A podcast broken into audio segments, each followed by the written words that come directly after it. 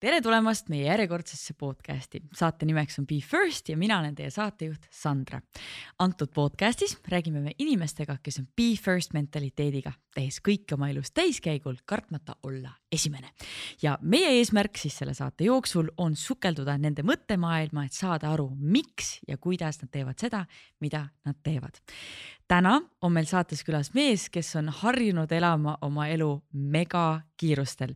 ta on endine profirallisõitja, praegune Rally Estonia peakorraldaja, kolmekordne isa ja mees, kelles on sees väga palju sügavust, mis võib-olla esimesel pilgul kohe välja ei paista. pange käed kokku, tehke kõvasti lärmi, tere tulemast saatesse, Urmo Aava! Sportland, Be First podcast. aitäh, Patrik, üksi on nii kummaline seda teha, tavaliselt me oleme Kairiga kahekesi. no jumala ägedalt tegid. tere. kas sa endale leiad aega ka, et iseendale plaksutada aeg-ajalt? Tead, ma olen äh, päris hea selles juba. jah? ja, ja, aga vaikselt enda sees mm.. aga kuidas see käib siis nagu? ma õppisin selle selgeks õpetades. nii? et siis äh, ma olen rallisportlasi õpetanud kahe tuhande viiendast aastast. ja kus ma endale plaksutamise selgeks õpetas, õppisin, ma arvan kuskil kaks tuhat kolmteist, neliteist, kui ma ise olin juba äh, sportimise lõpetanud. Siis ma nagu nägin enda õpilastelt seda, et äh, et noh, üks nagu murekoht, miks ma võib-olla kõige nagu teravamasse tippu lõpuks ei pääsenud, noh et nagu maailma viie nagu viie parima hulka on ju äh,. absoluudis, siis äh, ma ei osanud endale plaksutada, kogu aeg käis sihuke mingi mõnus tampimine see ei ole hea, too ei ole hea. ei olnud mitte kunagi seda hetke, et oled hetkes nüüd ütled, kuule nagu väga kihvt, nagu päris hea. Aga ma õppisin selle hiljem selgeks ise õpetades, ma vaatasin neid nagu siis tuli kogu aeg nagu peegelpildina tagasi, vaatasin nagu ahah, okei. Okay see on väga hea oskus. Ja ma ei tea, võib-olla sa pärastpoole räägid meile veel täpsemalt, et mis sa siis täpsemalt, vot tegelikult see ongi hea, ära räägi praegu ja ütleme, et pärast saate keskel kuskil räägib Urmo Aava, mis on need nipid, mida ta on õpetanud oma äh, sportlastele, et äh, paremini hakkama saada. aga me alustame oma igat oma saadet esimeste mänguga, ehk siis me räägime sinu esimestest, mina alustan lauset ja siis sina lõpetad selle. tšekkima ei lähe kuhugi. jah yeah. mm. -hmm, väga hea esimene ralli? ma arvan, et sa nagu eeldad siukseid konkreetseid vastuseid, aga ma vastaks äh, nagu siis kahes suunas. esimene nagu ralli, mida saab ralliks nimetada, oli äkki aastal üheksakümmend kaks koolisügis, isaga koos sõitsime. võin eksida, kindlasti mingid spetsialistid vaatavad pärast siis kommenteerivad, läks pihta veel läinud. sõitsime Peugeot äkki kolmesaja viiega, see oli sihuke isa-poja ralli ja, aga päriselt nagu sportralli mõttes äh, on üheksakümne kaheksandal aastal Valge Daam Lada Samaraga mm. -hmm.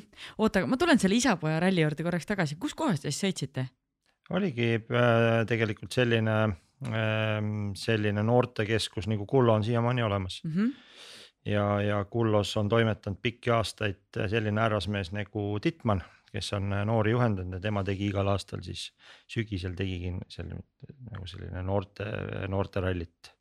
ja, ja seal me osalesime ja, ja osales väga palju noori, et ikka nagu kümnetes ja kümnetes oligi sihuke isa-poja võistlus. Aga kas sa tunned, et sealt võis tulla mingisugune selline säde, mis sind edasi viis? ei no minu säde ikka tuli, tuli varem, et äh, ma olen kolmandat põlve äh, siis mootorisportlane ja ja minu säde tuli ikka garaažis istudes, vaadates, kuidas isa ehitab seda autot ja.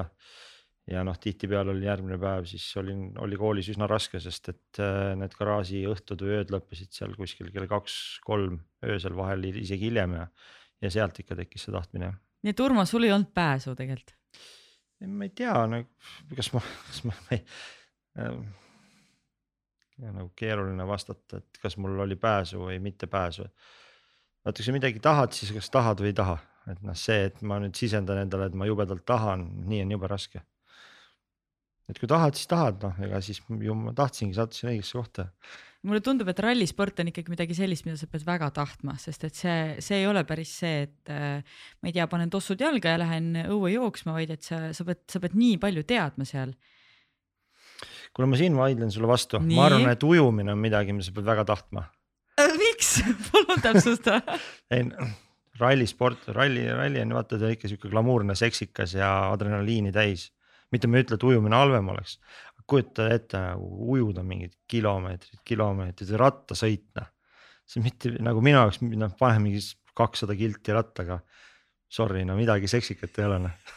no ma ei tea, mina olen triatlonit teinud ja tegelikult on see päris hea, eriti finišisse jõuda. ei, sellele ma ei vaidle Mhm. vastu, on ju, ma olen, ma olen ka kaks korda sõitnud äh, Tartu maratoni suuskadel äh, äh, sportlikus mõttes ülikehvasti. Aga nagu üliäge tunne, sellest oli äge tunne, ma tegin selle kaks korda läbi. ja siis sa oled nagu mingist nagu põrgutulest läbi käinud, siuke mingi puhastunud, saad aru, väärtad, väärtustad mingeid lihtsaid asju, puhtaks pesemine, söömine, soojad riided, kuivad, rohkem ei olegi vaja, see on jumala okei okay, noh, see, seal ei ole midagi halba. lihtsalt see, et kas nagu rallisporti peab jubedalt tahtma, minu arust on nagu ujumist peab rohkem tahtma. okei okay,, see on päris hea, päris hea paralleel, mida tuua. aga mm, kui me siin spordist juba räägime ja sinu õnnestumisest äh, siis äh, suusarajal, siis räägime veidike ka ebaõnnestumistest, et mis oli esimene ebaõnnestumine? noh, siit võib minna nagu päris sügavale, ma No. mingeid lugusid ei räägi noh, miks? no liiga rajud on. siin ei ole miski enam liiga raju, siin on see ruum on täitsa raju juba, nii et küta aga. no ikkagi jään enda, üks, mis mul meelde tuli äh, praegu on siis see, et äh, noh, mille pärast mul nooruspõlves oli nagu päris häbi ja korra lõi ikkagi nagu, lõi inglise keele nagu rääkimise tahtmise lõi kinni. Kuna oli nii skaut on ju, siis Rootsist tulid, tulid mingid külalis äh, äh, skaudid külla ja siis nad kuidagi küsisid niimoodi, et äh, how are you on ju, ma kuulsin who are you, ma ütlesin enda nime. ja siis loomulikult kõik naersid ja siis mul oli mingi megamark ja siis ma ei tahtnud päris tükk aega inglise keelt rääkida. oota, siis how are you, sa ütlesid Urmo Aava ja? jah, no aga samas võib-olla see Urmo Aava on nagu hea emotsioon, me, hea me, et see on tunne. meeleseisund. või ta on lihtsalt nii enesekindel, et Urmo Aava. saad aru või? tead, mis on, mis, mis oleks, mis meeleseisund oleks Urmo Aava? Äh, ma arvan, me jõuame sinna veel. ehk siis äh, okei okay,, aga ma tahan seda teada, sest et ma, ma plaanin seda kasutada, et kui keegi küsib mu käest, kuidas sul läheb, siis ma saan öelda Urmo Aava, see oleks päris hea. kuule, aga sinu käest ma ei saa mitte küsimata jätta seda, et mis oli su esimene auto? minu päris esimene auto oli Volkswagen Golf üks GTI, nii, mida see tähendab, ma ei tea autodest suurt midagi. tootmisaasta tuhat üheksasada kaheksakümmend üks, vähe sportlikum. ja mulle tundus, et mu isa viha, meelega vihaga ostis kõige halvemas korras. sellepärast, et ta tahtis, et ma sellega hullult tööd, tööd, tööd ja vaeva saan näha. ilgelt, kere oli ilgelt ära rostetanud ja siis ma äkki mingi kolm või neli kuud keevitasin seda aga see oli midagi, mida sa nautisid? ei, ma ei nautinud seda üldse, ma tahtsin autoga sõita, ma pidin ta ära keevitama. okei okay., aga see õppeprotsess selle, selle juures siis oli ja, ja ei jah, see on nagu eraldi temaatika veel, et ega mul isa, kes on mu minu sportlaskarjääriga väga palju olnud äh, seotud ja aidanud, siis ja ta ühtegi asja lihtsaks ei teinud. aga miks, ta sai aru, et, et äh, alguses kohe on mõistlik selgeks teha, kas tahad või ei taha. ja sa tahtsid? vist tahtsin, kui siin olen jah kas oli hetki ka, kus sa tundsid, et ei taha? oi-oi ikka palju, ma läksin sealt garaažist, kas siis ralli või sellesama golfiga.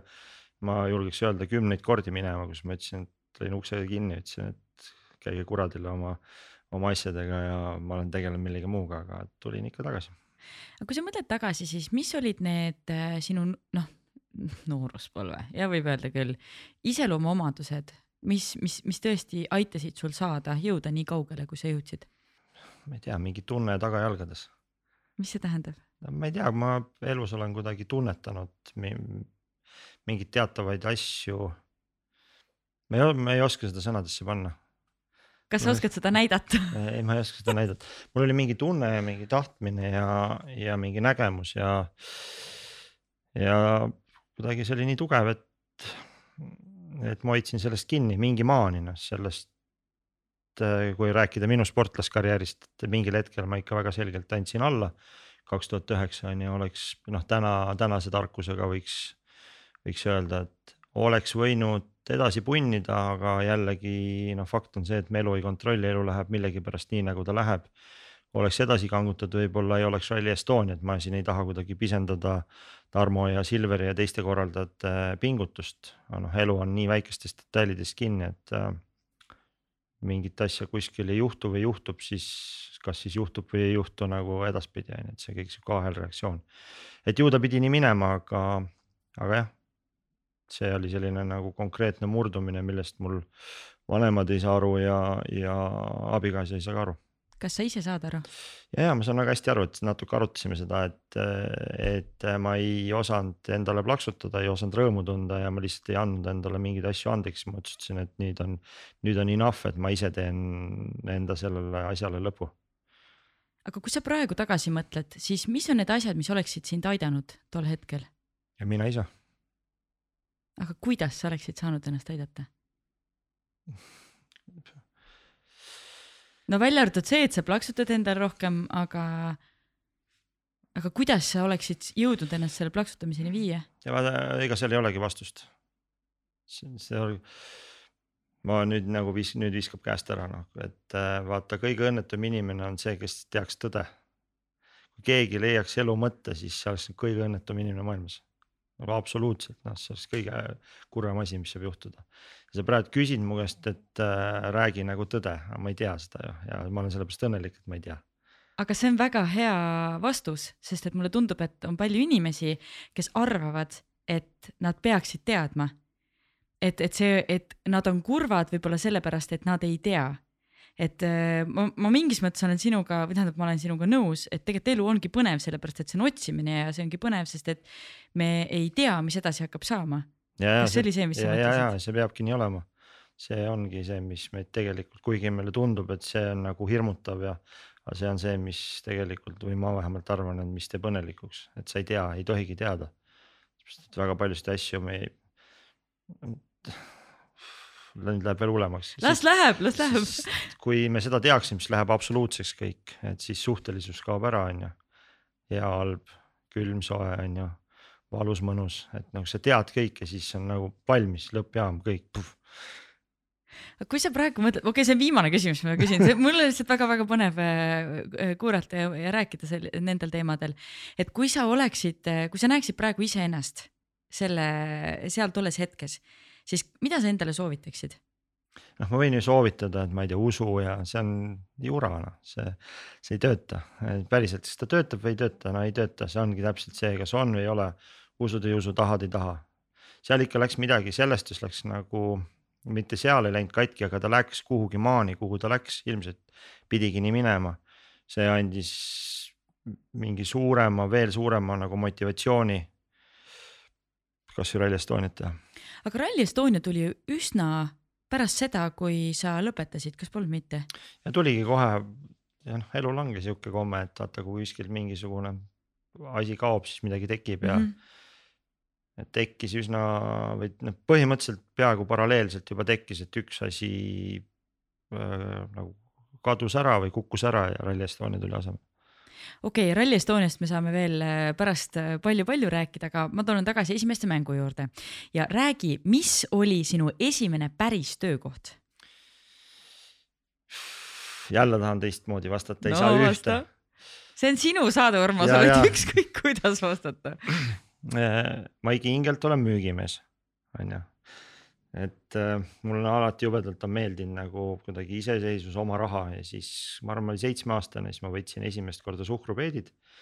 ja enda vanaema juures võtsin suhkrupeedid, võtsin kolm vagu suhkrupeete ja siis ma jagasin ära, et see on nagu päris hea business. sain kohe jalgratta ja sealt edasi ma võtsin nagu igal aastal suhkrupeete ja suhkrupeetide võtmisega ma sain ka esimesed oma vitsad, et siis kui, siis kui Vene rubla äh, megakiirusega devalveerus ma nüüd aastat täpselt ei mäleta, siis mul oli väga palju juba suhkrupeete. ja siis ma oleks saanud kahekäigulise siis mopeedi on ju, mis oleks ülikõva laks olnud ikkagi nagu külas ka on ju. aga siis, kui ma, kui ma sain need suhkrupeedid kolhoosi ära võtta, siis mul põhimõtteliselt oli selle mopi raha käes, aga kui ma selle raha kätte sain, siis ei saanud sellest mitte midagi, et ma sain ühe koti suhkrut osta perele milline iroonia. ei, aga see oli tore noh, selles suhtes, et noh, ei mul suhkrupeetidega juhtus seal vahe, vaheaastatel veel, et mingi hetk võttis külm ära ja. et äh, aga see oli selline, see ei olnud päris esimene töökoht. esimene töökoht, ma küll ei tea, kas mind tööle vormistati või mitte, aga ma kuueteistaastaselt töötasin enda onu juures äh, äh automüüjana. mis autosid sa müüsid? Suzukisid. ahah, ja kuidas sul läks? mitte ühtegi ei müünud, ilgelt igav oli oota, miks siis nii läks? noh, ega seda tollel hetkel väga nii palju neid uusi autosid ei, ei müüdud ja eks onul oli must kahju, võttis mind tööle. oota, ma tahan selle suhkrupeedi kohta veel küsida, kaua sa seda business'it tegid? no ma arvan, et ma tegin nii kaua, kuni, kuni Eesti kroon tuli, nii kaua kui kolhoosid äh, toimisid ja, ja siis ma seda tegin ise võtsid või sul olid mingisugused inimesed tööl või kuidas no,? eks ma ema, ema-isa kaudu võtsin, ei noh, sellest ise, ise pidin rohima ja ja, ja üles võtma ja, ja loomulikult vanemad olid ka abiks ülesvõtmisel, et ega ma nüüd ise kõiki nagu otsast lõpuni ei teinud okei okay,, no kõlab nagu, kõlab nagu hea, hea business tõesti, et ei no mis asja, noore, noores eas tuleb ju hakata pihta, et ja. siin pole nalja. kuule, sa enne ikkagi veits nagu kõikusid selle, selle ebaõnnestumiste juures ja mulle tundus, et seal oli mingisugune asi, mida sa äkki ikkagi tahaksid rääkida, et kas see kuidagi klassifitseerub su esimese piinliku momendi alla ka? ehk siis järgmine küsimus, et mis oli su esimene piinlik moment? selle ma rääkisin ära sulle aa, see oligi see või? aa, ma mõtlesin, sa hoidsid sellist sala, saladuslikku joont ei rääkinud mulle. ei, kindlasti mul oli ennem ka, ega lapsest peast ka igast asju on juhtunud, aga see mul tuli meelde. okei okay., kas sa tahad siia lisada midagi? ma tahan nii palju lisada, et eh, ebaõnnestumisi tuleb äh, ennast tuleb õnnistada, see on kindlalt, see on see koht, kus sa oled nagu adekvaatne ja sul vaimne tervis on korras, siis on mega areng aga kui ma räägin piinlikust hetkest, kas, kas on, kas on mõni näiteks, noh vaata rallisõitjate käest ikka ju küsitakse, ma ei tea, pärast kommentaare. kas siis oli ju ka, oli see oli ikkagi kõva, kõva sõna või siis ei olnud tele, tele kuidagi nii teemas sees. sa mõtled, et mingi ralli läks pahasti ja siis? no ja siis lükatakse see mikrofon sulle suu ette ja siis umbes vasta, et endal niigi halb emotsioon. ja, ja mul enda keha sees oli nagu, nagu kehvade tulemuste puhul oluliselt kehvem, kui keegi kaameraga suutis tekitada, et mind see nagu väga ei morjendanud. et ma olin endaga piisavalt pahuksis, et, et noh, see, et keegi küsis ja keegi midagi avaldas, midagi halba, siis täitsa savi. aga kas sa lugesid artikleid ka enda kohta? Ei ikka lugesin, ega kõik vaata, osad ütlevad, ah mind ei huvita ja ma ei loe, ikka loed, noh tegelikult on okei okay lugeda ka, et äh,. see on nagu selle piinliku momendigagi, et äh,. just on nagu laste pealt on nagu hästi pull vaadata, et äh, ega meil ju kõigile meeldib hea olla ja on ju populaarne meeldib olla ja õnnestuda meeldib, aga noh, mine proovi ebaõnnestuda, vaata kuidas tuleb, on ju, klati mingi jama ära, on ju, tegelikult see väärtus on seal kas sa oled seda kuidagi õppinud, et, äh, et sellest ebaõnnestum-, ebaõnnestumisest välja tulla või üle saada? ma olen, ma arvan, äh, noh, ega kõik kardavad, on ju, et siis keegi ütleb, et ma ei karda midagi, see ei ole päris, päris terve vist. Äh, aga, aga kui sa saadki aru, et see on nagu normaalne, noh, see on jälle, ma jõuan enda nagu siukse elufilosoofiani, et kui sul ei ole ebaõnnestumist siis ei saagi olla sellist äh, nagu terminit nagu õnnestumine. kui sul ei ole külma, siis ei saa sooja olla. ehk noh, see on sihuke, hakkame siis vaatama, mida in-, noh, mida, mida siis inimene või inimkond tahab. tahaks jõuda sihukese hästi sooja kohta, sellisesse nagu mannasse, et ei oleks valus, ei oleks ebaõnne, keegi ütleks midagi pahasti aga siin, see on seesama nagu tõe teadmisega, et sa jõuad nagu absoluutsusesse, kus enam noh, seal ei olegi midagi et sellepärast see on jumala okei okay,, et ebaõnnestuda, see on, ongi okei okay,, et on valus, läheb kehvasti. kuidas sellest välja tulla? aga sa ei peagi välja, mis sa sealt välja tuled, see on okei okay,, et on. aga lihtsalt aktsepteerid fakti, et ja. nüüd läks pekki ja liigume edasi. ja ma ei räägi nagu siuksest lodevast nagu laiskusest või sellest, vaatad sellele otsa ja see on, see on nagu okei okay, ja, ja siis, kui sa oled motiveeritud, ega sportlane, ma ei tea kõik teised elualad, sa tahad ju paremini või noh, mina vähemalt tahan nagu järgmine kord tahan teha paremini. tahan lihtsalt mitte see, et nagu keegi ütles, et õpetaja ütles, et tee paremini või, või ema või isa või, või sõber. käsi kästakse, peab meeldima, ei ole nii. kas see on üle kandunud ka praegu Rally Estonia korraldamisse? ja ma usun küll, et, et kui me vaatame, mismoodi meie teised tiimiliikmed ka teevad, noh lisaks Silverile ja Tarmole, siis kasvõi Are on ju, Altraja siis ma räägin, on ju. tema ju tahab ka kogu aeg teha iga kord paremini ja noh, tahab teha esimesena mm. -hmm. no täpselt nii, jah. et noh, see on veel järgmine dimensioon, et, et jällegi selle jutu juurde tagasi, et kui sa ebaõnnestud noh, mingite asjade kokkusattumuse tulemuseni, mitte sellepärast, et sa ei käinud trennis või midagi ei planeerinud, siis see on okei okay aga kui sa oled lihtsalt laisk ja lohakas ja ei, ei viitsi ei huvita, noh siis ma arvan, et noh, sellist saadet need võib-olla inimesed ei kuulagi üldse, neid ei huvita. no loodame või siis, kui kuulavad, siis nad kuulavad seda saadet ja mõtlevad okei okay,, davai, davai, nüüd ma võtan ennast küll kokku, et nüüd ei saa, ei saa midagi. või et Urmo targutab kuule, selles mõttes vahepeal võib ja peabki olema natuke laisk ka, aga see lihtsalt ei tohi, ei tohi võtta seda suuremat äh, suuremat osa sinu ajast. ja, ja ma ei öelnud, et ärge laiselge või ärge magage, et pange kogu aeg hambad ristis. selleks, et, äh, et väärtustada tööd, on vaja laiselda. ja, ja muidugi laisklemine ja uni ja magamine, need on kaks erinevat asja, sest et äh, tsiteerides öö, oma head sõpra Kaspar Taimsood, uni on tugevatele kes ei puhka, see ei tee. aga uskumatu, me oleme jõudnud äh, esimeste mänguga viimase küsimuseni. mulle väga meeldivad su konkreetsed, aga samas natuke mõtlikud äh, vastused. ma poleks nagu ausalt öelda isegi osanud seda niimoodi siit oodata. aga mis oli esimene kord, kui sa tundsid enda üle mega suurt uhkust? noh, selgelt ikkagi tuleb meelde esimene siis Rally Estonia WRC-na mm. -hmm.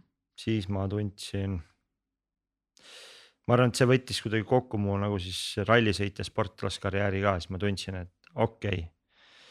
muidu mul oli kogu aeg sihuke tunne, et ma kogu aeg teine ja, või kogu aeg, ma ei tea, neljas või natuke läheb kogu aeg midagi nihu. ja siis, kui see MM-i asi ka tuli ja siis ma nägin, et kogu tiim hakkas mega motivatsiooniga tööle. siis mul kuskil nagu kuklas oli kogu aeg sihuke mõte, et raisk niikuinii läheb pekki midagi.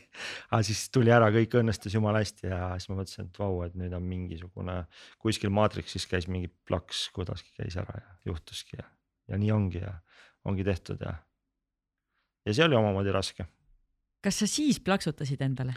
ja, ja siis mul sellel hetkel mul juba endale plaksutamine selgeks. aa, siis oli juba selge jah? ja, ja, ja ei, siis ma ikkagi oskasin, istusin maha ja mõtlesin ja panin väikse pisara õnnest ja aga see on nii õige, sest et neid väikseid võite ja ka suuri võite tegelikult tuleb äh, tähistada. ja, ja ma nüüd äh, isegi võib-olla ma nüüd vaata, seal ei tohi ka nagu niipidi või no mis ei tohi öelda, et ei tohi, kõike tohib. et äh, mul isegi on vahepeal niimoodi maal, teen nädalavahetusel tööd ja siis teen mingi töö ära ja siis korra mõtlen, vaatan, mõnul minul näiteks on see, et mina teen aeg-ajalt endale lihtsalt niimoodi ise annan endale high five'i, sest kui sa iseennast ei kiida, siis lõpuks, kes see sind siis ja. nagu kiidab, et, et äh, kuidagi tuleb nagu boost'i anda. Urmo äh,, räägime natuke sinu rallikarjäärist ja sellest, kuidas see sai alguse, sa ütlesid, et sa oled kolmandat äh, põlve rallisportlane. räägi, kuidas sa siis ikkagi lõpuks jõudsid selleni, mis tee see oli? Hästi kiirendatud versioonis äh, minu vanaema ehk siis isaema tegeles motokrossiga. ja vanaisa tegeles siis autoralliga tollel hetkel, nii nagu ta oli, aga hästi nagu amatöörtasemel. minu isa juba siis Rain, mitte Uno Aava on ju, Uno Aava ei ole isegi mul sugulane, on, on, aga Eesti autorallis väga suur nimi on ju, Rain siis tegeles äh, üle kümne aasta ikkagi nagu tõsisemalt ka liidu meistrivõistlustel osaledes autoralliga. ja noh, ma jälgisingi sealt kõrvalt seda, et see pisik oli meil peres sees ja äh, selles rütmis elati ja hing, hingati ja, ja, ja ega tehnika oli ju defitsiit on ju, seda pidi ise tegema ja garaažis ehitama ja. seal kõrval ma istusin, elasin kaasa, kaasa ja, ja käisin isa võistlustel ja ja, ja nii kui vähegi juba kannatas, siis panin ka ise käe külge just nagu mingi remontimise ja hooldamisega ja sealt see pisik tuli sisse ja, ja sealt edasi juba oligi siis isaga need noorterallid ja, ja siis mingil hetkel isa ostis mulle ühe Lada Samara tooriku ja siis hakkasin seda ehitama, siis tuli vend Raul veel appi ja. ja siis lõpuks üheksakümne kaheksandal aastal, kui ma olin üheksateistaastane, siis ma sain osaleda esimest korda Eesti meistrivõistlustel autorallis. Kuul oli jumala koos, et ma isegi esimesel rallil esimest katset siiamaani mäletan, ega kaardilugejat üldse ei kuulanud nagu täitsa, ma olin mingis täitsa mingi mingis tunnelis sees, lihtsalt hambad ristis oota, aga miks või kuidas mis...? Liht, lihtsalt adrekas oli nii hullult üleval, et äh, kõik nagu noh, kõik muu väline läks nagu kinni. ja noh, rallis ikkagi kaardilugejat võiks kuulata tuleb kasuks on ju. jah, abi, abi on, aga noh, seal ma seda nagu võimalust ei kasutanud, ma seal tegelesin oma asjadega. Kuldar Sikk vist oli see, kellega sa sõitsid väga pikka aega koos ja et ma sõitsin Eestis erinevate kaardilugejatega ja, ja siis siis kui mul lõpuks siis õnnestus äh, Suzuki tehase meeskonnaga see päris MM-i siis äh, projektileping teha, siis, siis äh, võtsin Kuldar Siku enda kõrvale ja. Ja eks laiemale avalikkusele ma olen ikkagi nagu siis oleme Kuldariga läbi selle nagu tuntud ja. ja sealt terve selle MM karusselli siis aastast kaks tuhat kolm kuni kaks tuhat üheksa siis Kuldariga koos tegime. olime vastastikku truud mis see tähendab? no ei vahetanud nagu üksteist. kas see on muidu levinud? üldiselt on jah, ei vahetata väga, on nüüd tänapäeval on küll sõitjad, kes vahetavad, aga ma ikkagi väga palju võrdleks seda abieluga. et noh, Kuldariga meil juba oli mingi, pidanudki rääkima midagi vahest, ta teadis juba, mis me tahame, ma teadsin, mis tema tahab. aga millest see tuleb, kas see tuleb, kas see on kuidagi töö või et, et teil tekib selline arusaamine teineteise vahel või see või see peab kuidagi, ma ei tea, õhust tulema? see tuleb siis nii palju koos ju, seal ju võtame ühe MM-ralli, siis see hakkab ju raja kirjutamisega peale, et tavaliselt on see teisipäev, kolmapäev, pikad päevad, noh, kus sa seda kõike seda rada paned kirja ja, ja noh, seda suhtlust ikkagi on autos nii palju seal nagu erinevate elementide üle, siis hakkad juba poole sõna pealt nagu mõistma ja noh, me oleme sellest, me oleme toredad inimesed ka, me nagu pirtsuta ega ei torise ega porise, et kui kellelegi midagi öelda, siis sai ära öeldud, aga üldiselt meil oli ikka nagu mega lahe vibe ja ei näinudki põhjust vahetada ei tema mind ega mina teda. Et see tekkis kuidagi loomulikult selline hea omavaheline. jah, sobisime ja, ja tegelikult väga kihvtid aastad olid mm. -hmm kui sa nüüd vaatad tagasi algusesse, siis äh, ma saan aru, et sinu isa ikkagi mängis väga suurt rolli selles, et sinust saaks profisportlane, aga kas sul oli veel inimesi, kes sind kuidagi edasi, ma ei tea, nügisid või tõmbasid või mis iganes pidi selleks tegema? no lähme päris alguses, siis mul oli ilgelt vaja ema, et üldse et tema. You don't say et ema jah, kahjuks alati jääb kõrvale, et et äh, ema on hästi palju ka andnud sellist nagu hoolivust ja armastust ja kõike seda, on ju. aga jah, isa, minu vend Raul äh,. ja ja kindlasti esimene kaardilugeja, kes oli nagu siis isa, ka väga pikaajaline kaardilugeja Herbert Kalaus. Sealt Peeter Poom äh, ja, ja kuni riburada pidi siis jõuame äh, Toomas Kitsinguni välja, on ju, kes, kes aitas Marko Märtinit ja, ja paljusid äh, teisi sõitjaid veel. ja, ja noh, kindlasti noh, nii kui ma nimetama hakkan, siis ma jätan kellegi nimetamata ja ma palun kõigi nende ees vabandust, kelle ma nimetamata jätan, sellepärast et neid on tõesti kümneid. sa siin... võid saata selle nimekirja pärast ja siis ja. Patrick paneb nad sinna kõik Youtube'i. aga kindlasti, keda ma tahan ära mainida, on Margus Kangur ja, ja veel eriti ära mainida siis äh, äh, Oliver Kruda, ütleme, et äh, ja toetajaid on väga palju, jällegi jõuame areni ja mm, -hmm. ja, ja tõesti neid on nagu, on mul olnud häid toetajaid kümneid. aga, aga ilma Oliveri ja Marguseta ma julgeks öelda, et ei ole, noh, poleks neid saavutusi, mis, mis meil Kulderiga on ja, ja, ja mida me saavutasime ja, ja mina ilmselt ei oleks Rally Estonia juures ka aga mis see abi oli, kas see oli rahaline või see oli mingi midagi muud? tead, ma ütleme, et raha oli väga vaja. aga ma tagantjärgi isegi ütlen, et äh, noh, see käib kõikide toetajate kohta ja, ja inimeste kohta, kes toetavad, vahet ei ole, mismoodi või mis mahus. et äh, mul, mul kuidagi oli õnne siis selliste inimestega, kes mitte ainult ei toetanud rahaliselt, vaid tekkiski selline nagu perekonnatunne, et see nagu igatpidi mõeldi kaasa, ühine nagu soov ja pingutus ja unistus ja. ja see oli nagu sihuke äge punt ma küll natuke hüppan ühelt, ühelt teemalt teisele, aga kui me siin juba räägime siin, et sul olid selline hea punt, kes tegelikult tekkisid justkui nagu sponsoritest, siis mis, mis tänapäeval, kuidas, kas, mida noored sportlased peaksid tegema, et leida endale selliseid toetajaid, kes lihtsalt ei löö sind rahapakiga ja noh, see rahapakiga löömine, see on ka natuke ülepaisutatud, et aga mida peaks tegema selleks? jah, vaata, nagu ma olen sul siin veiderdanud, et ma ei tea tõde, on ju, aga spekuleeri. ja ma võin spekuleerida. et äh, kui see on nagu unistus või tunne, vaata, kas suudad nagu sõnadesse panna või visualiseerida, kui sa kedagi nagu nakatad nagu selle nagu unistusega, siis need tulevad kaasa.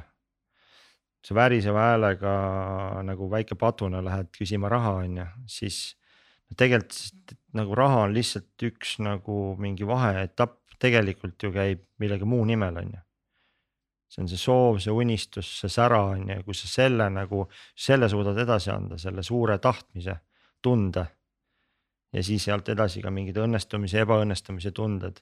Kui neil on need, nende tunnete jagamine okei okay, ja see saab nende igapäevaeluks, siis noh, siis tekibki lahe kamp. et kui see on sellise Excel vormis nagu tõestamine, et nagu kas äriliselt kannab või ei kanna või kurja küll, et nagu nüüd selle raha veel andsid ja proovi sa kurat veel, vabandust eksida, et noh, see on nagu siis on nagu kõik läinud, siis ei ole, siis ei ole mõtetki tegema minna mulle tundub, et see, see üks selline ühine nimetaja, et mis, mis peaks olema, on selline ausus. Et kui on kehvasti, siis lihtsalt sa ütledki, et on tead, praegu on kehvasti ja kui on nagu hästi, siis sa näitadki selle välja, et tead, praegu on nagu väga hästi. ja, ja ausus, ma ütleks, et kindlasti siis pimeda hirmu mitte nagu tundmine või mitte sellega samastumine, et vaatad ühiskonda, vaatad sporti, kultuuri, noh vaatad üldse inimesi hästi palju on, on pimedat hirmu. ja noh, läheme, taha kuidagi nagu usku, erinevaid uskumusi hukka mõista, aga kuidagi ajalooliselt on inimestesse nagu hästi palju süstitud seda, et äh, läbi hirmu kontrollimise siis äh, inimestes ongi hästi palju pimedat hirmu ja, ja, ja mingi osa elust mitte aktsepteerimist. Noh, nagu sa ütlesid, ausus on ju, ongi halb tulemus noh. ongi mitte, noh, on fakt, sport on selles suhtes on ju väga jõhker.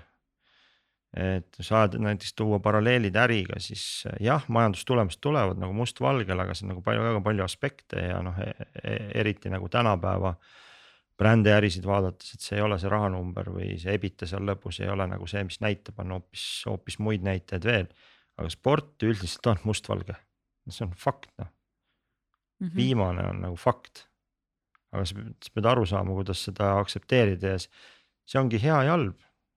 Te olidki viimane noh. ma tahan natuke selle pimeda hirmu kohta veel teada räägi, mis sa, mis sa mõtled selle all täpsemalt?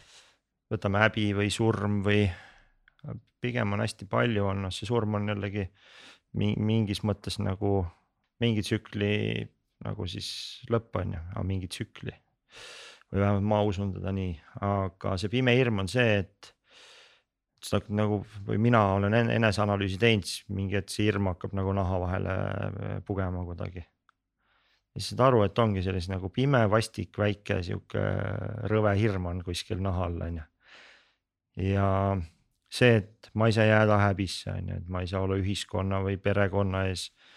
ma ei tea, ebaõnnestuva, ebaõnnestuja või rumal või tegelikult ei saa ju midagi halvasti nagu lõpp nagu ei olegi lõppu noh, ei see noh, tegelikult ei saa ju, see ongi, see kõik on normaalne noh. see on normaalne, et ma ei tea, midagi läheb valesti. miks ta ei või minna, kui ta on olemas nagu, viimaseks jäämine on olemas ju maailmas. keegi, keegi keegi peab jääma ju, on ju, ebaõnnestumine, kui nagu ma ei oska, ma ei tea, kas ilmselt sa saad aru, on ju. et see keegi, kes lõi selle maailma on ju, võtame nüüd niimoodi, on ju. siis ta lõi mingi piiritul hulgal mingeid asju, et midagi sellist ei saa juhtuda, mida ei ole olemas, on ju. kui ta on olemas, siis ta on normaalne, on nii. et mis sa kardad sellest siis aga hirm on ka tegelikult. ta on olemas jah, jah, see on normaalne, et Mhm. karta mm, -hmm. peabki kartma, ma ei ütle, et. et ega noh, seal pime ilm on ka olemas, noh tunne seda ka, siis saad aru, mis see pime hirm on, on ju. jälle oled nagu targem, tunned rohkem kui sa sõitsid, kas sul oli hirmu? ja, ja see on jumala, sellest, see on jumala okei okay. ja see ei ole. noh, seal on ka nagu sihukest pimet hirmu, aga ralli üleüldse, ta on väga paljuski on ajusport. ja miks ta on ajus üldse siis sellised ekstreemalad, kus sa võid saada niimoodi surma. loodan, et kuulaja kuulis seda nipsu on ju minge vaadake Youtube'ist ka, see nägi Jah. väga efektne välja. siis ähm, et kui ongi noor sõitja, siis alguses on siuksed suured unistused ja adrenaliin ja tahaks kihutada, aga siis äh, rallisõitja või üldse ilmselt see on nagu ekstreemspordi äh, poole pealt nagu hästi oluline, esimesest suurest avariist siis selgub. mis sust saab või ei saa, sest siis sa üldiselt saad aru, okei okay,, ahaa, tegelikult saab päris haiget. ja tegelikult võib ka nagu niimoodi saada surma lihtsalt laksust ja rallis veel see, et ise saad surma, kaardilugeja saab surma, on ju. ja, ja siis, siis tulebki alguses sihuke pime lollakas hirm tuleb nagu naha vahele ja siis noh, väga paljud sõitjad kas ei sõida enam nagu sellel tasemel, nagu nad ennem sõitsid. osadel võtab väga kaua aega, et jõuda samale tasemele, enn-, kui nad olid ennem esimest avariid ja, ja väga paljud tugevad siis lähevad veel sealt nagu loogiliselt edasi, jõuavad hoopis nagu järgmisele tasemele eks sa pead nagu aktsepteerima seda, et kontroll ei ole sinu käes ja noh, rallis eriti, et.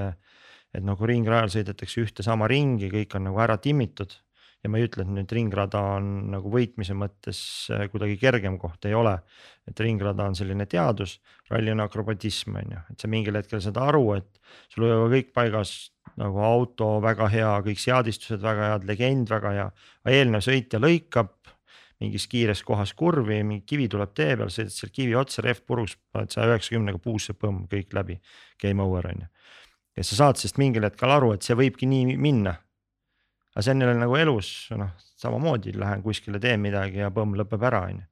et siis, kui sa hakkad analüüsima, saad aru, et see on elu osa ja kas sa siis nagu tahad selle spordiga tegeleda või ei taha ja, ja niikaua kui sellest pimedast hirmust üle ei saa, siis mis sinuga juhtub autoroolis, sa proovid seda kõike nagu läbi mõelda. ja siis sul on enamus fookust on nagu vale koha peal, et sa siis proovid selle hirmuga tegeleda, mitte ei tegele sõitmisega. tegelikult peab laskma nagu sellel loojal elada, siis loodki ja lähed ja, ja siis tuleb nagu äge asi. kuidas teie oma eesmärke seadsite? mismoodi see protsess käis? Tead alguses, kui ma alustasin, siis ma tahtsin lihtsalt nagu vingelt panna nagu kõigile ära teha. no aga see on väga hea eesmärk see on ju. jumalast hea eesmärk on ju. ja siis, kui ma jällegi nüüd ma ei, nagu, ma ei ole leidnud aega noorte sõitjatega väga tegeleda, aga. noh, alguses on lihtsalt tahtmine ja see on väga hea, et on. mitte mingit väljatunnetust, mitte mingit taustsüsteemi.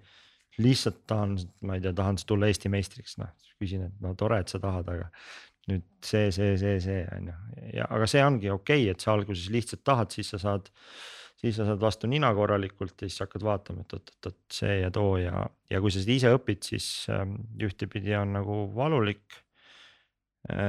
teistpidi saad tunnetuse, et äh, kui keegi targem, vanem kogu aeg nagu siis näitab ette, et näe. ära nii tee, et tee nii sellepärast, et juhtub nii, on ju, siis väga paljudel juhtudel sa ei saa nagu seda seda enda tunnet, ma ei taha nüüd öelda, et nagu siis traditsioonilisele spordi nagu treenimisele, et noh, kõik las nagu vaatavad ise, kuidas saavad. et loomulikult tuleb äh,, tuleb aidata, tuleb juhendada nagu siis teaduslikul lähenemisel on kindlasti nagu väga-väga suur osa. aga tuues nagu rallisse, see on see, et kahjuks see sõitja ja kaardilugeja nagu lõpuks nemad peavad sõitma et keegi kuskilt nagu kõrvalt targutab, siis see väga ei aita ja, ja nende eesmärkide seadmisega ka, et.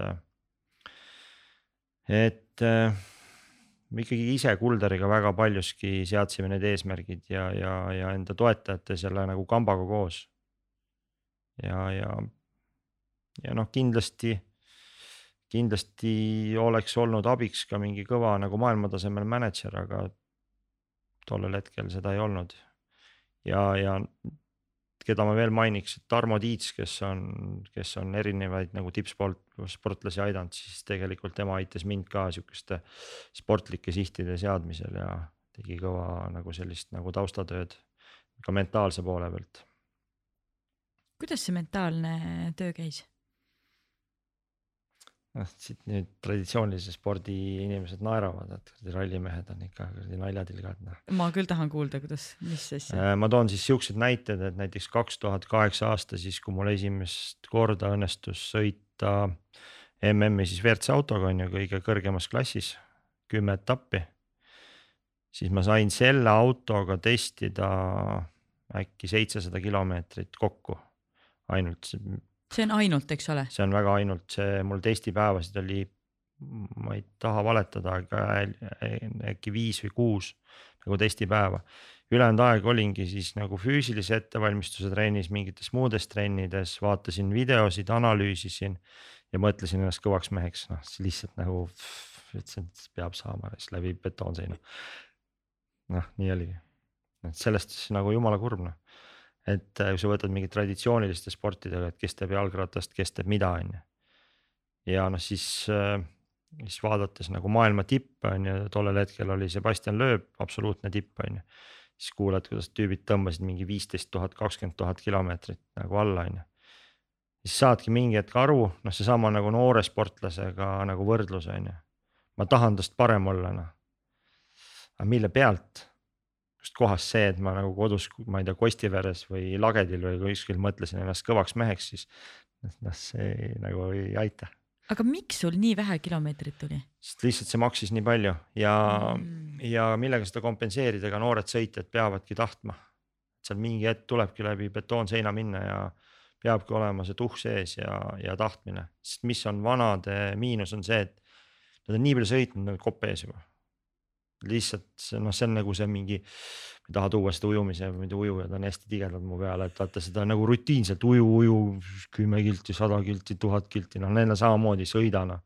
kuule, et meil on mingi uus õõtsoov nüüd, pane mingi sada kilti, meil on mingi uued rehvid, mingid uued asjad veel.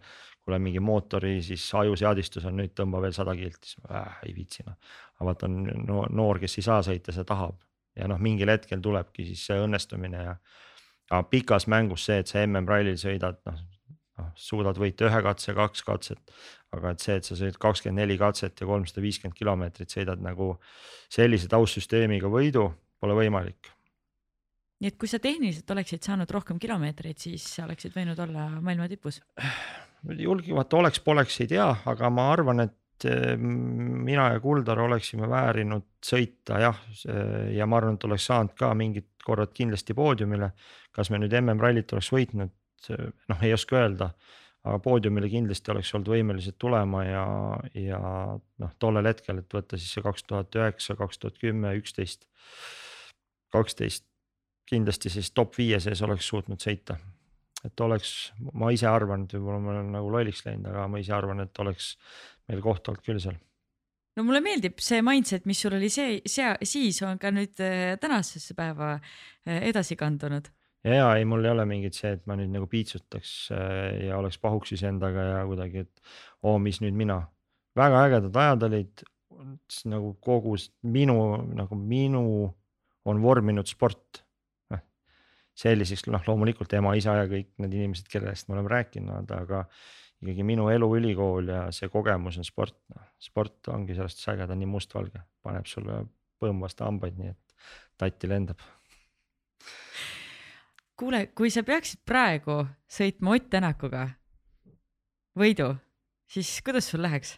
no chance ütleme nii, et teil on, ütleme mingi testiring, vaata, kui tehakse need äh,.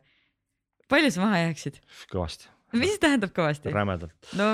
ma ei tea, noh, see on nii äh, koledalt palju sa ei saa noh, kurat, ma olen üle saja kilo noh, mingi pole ammu sõitnud noh mida asja noh. aga saaksid ennast muidu tõmmata vormi tagasi? kindlasti saaksin, aga, aga ma näen seda, et eh, see, kui ma lõpetasin ära, ma olin kakskümmend üheksa on ju, täna ma olen neli, ei tea, vana ma olen nelikümmend kolm vist, vist on jah -hmm. et äh, no ma saan aru, see kõik minu, minu soov riskida on nagu alla läinud äh, noh, mu nägemine enam-vähem okei okay,, aga ma enam nagu täpselt ei näe, ei tunneta. saa, noh, ma enda selles, sellesse vormi, kus ma olin, ma ei saa, sest ma olen lihtsalt vanem. on ju, võib, võib saada sinna ligilähedale. aga see võtaks, ma arvan, mingi poolteist, kaks aastat aega meil just täna hommikul oli see vestlus, et äh, mina olen kolmkümmend viis ja ma kohati unustan ära, et äh, too, ma olen kolmkümmend viis ja siis hakkad mõtlema, et teed trenni ja ei taastu enam kuidagi, siis mõtled, mis viga on, kas ma olen vähe maganud või mis asja. siis hakkad mõtlema, et aa, okei okay,, ma olen tõesti kuus aastat vanem kui siis, kui ma tegin need mingid üli, ülihead äh, sooritused. et aeg-ajalt vist on jah aus lihtsalt endale vaadata otsa ja öelda, et kuule, pole vaja enam. ei, ma olen nagu jõhker lohv, ma pole viitsinud ma pole viitsinud midagi teha, nüüd ma vähemalt teen maal, teen nagu kõvasti nädalavahetusel tööd ja, ja liigun ja koeraga käin, et noh, mul on see asi on nagu hoopis see, ma isegi sellepärast ei muretse, et või noh, ma muretsen küll, aga, aga mingist taastumisest ma üldse ei räägi. Noh.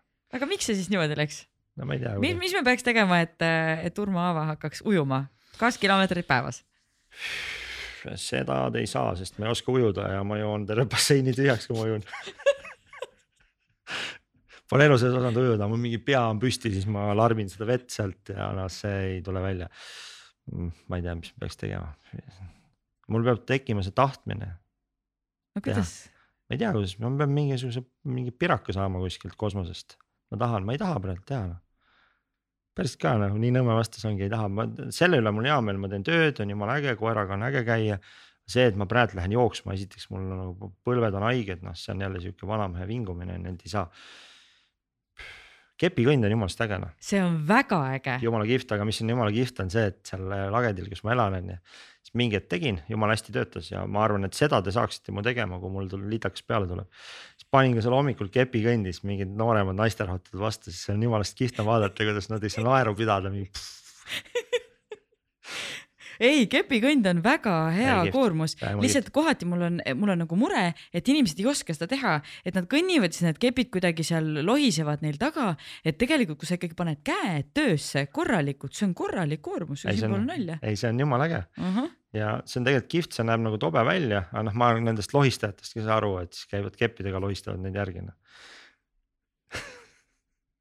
okei okay,, mulle tundub, et siin on nagu mingisugune väike potentsiaalne challenge tulemas Sportlandi poolt äh, Urmo Aavale või siis, ohoo, siin äh, Ironman Estonia ikkagi võtab endale päris põnevaid äh, hea eeskuju saadi no,. miks sa raputad? see ei no,, ujumine, ei, ei. kuule, Kalev Kruus tegi ära. Ei, mis see Kalev Kruus ei ole üldse halb näide, Kalev on jumalast äge tüüp.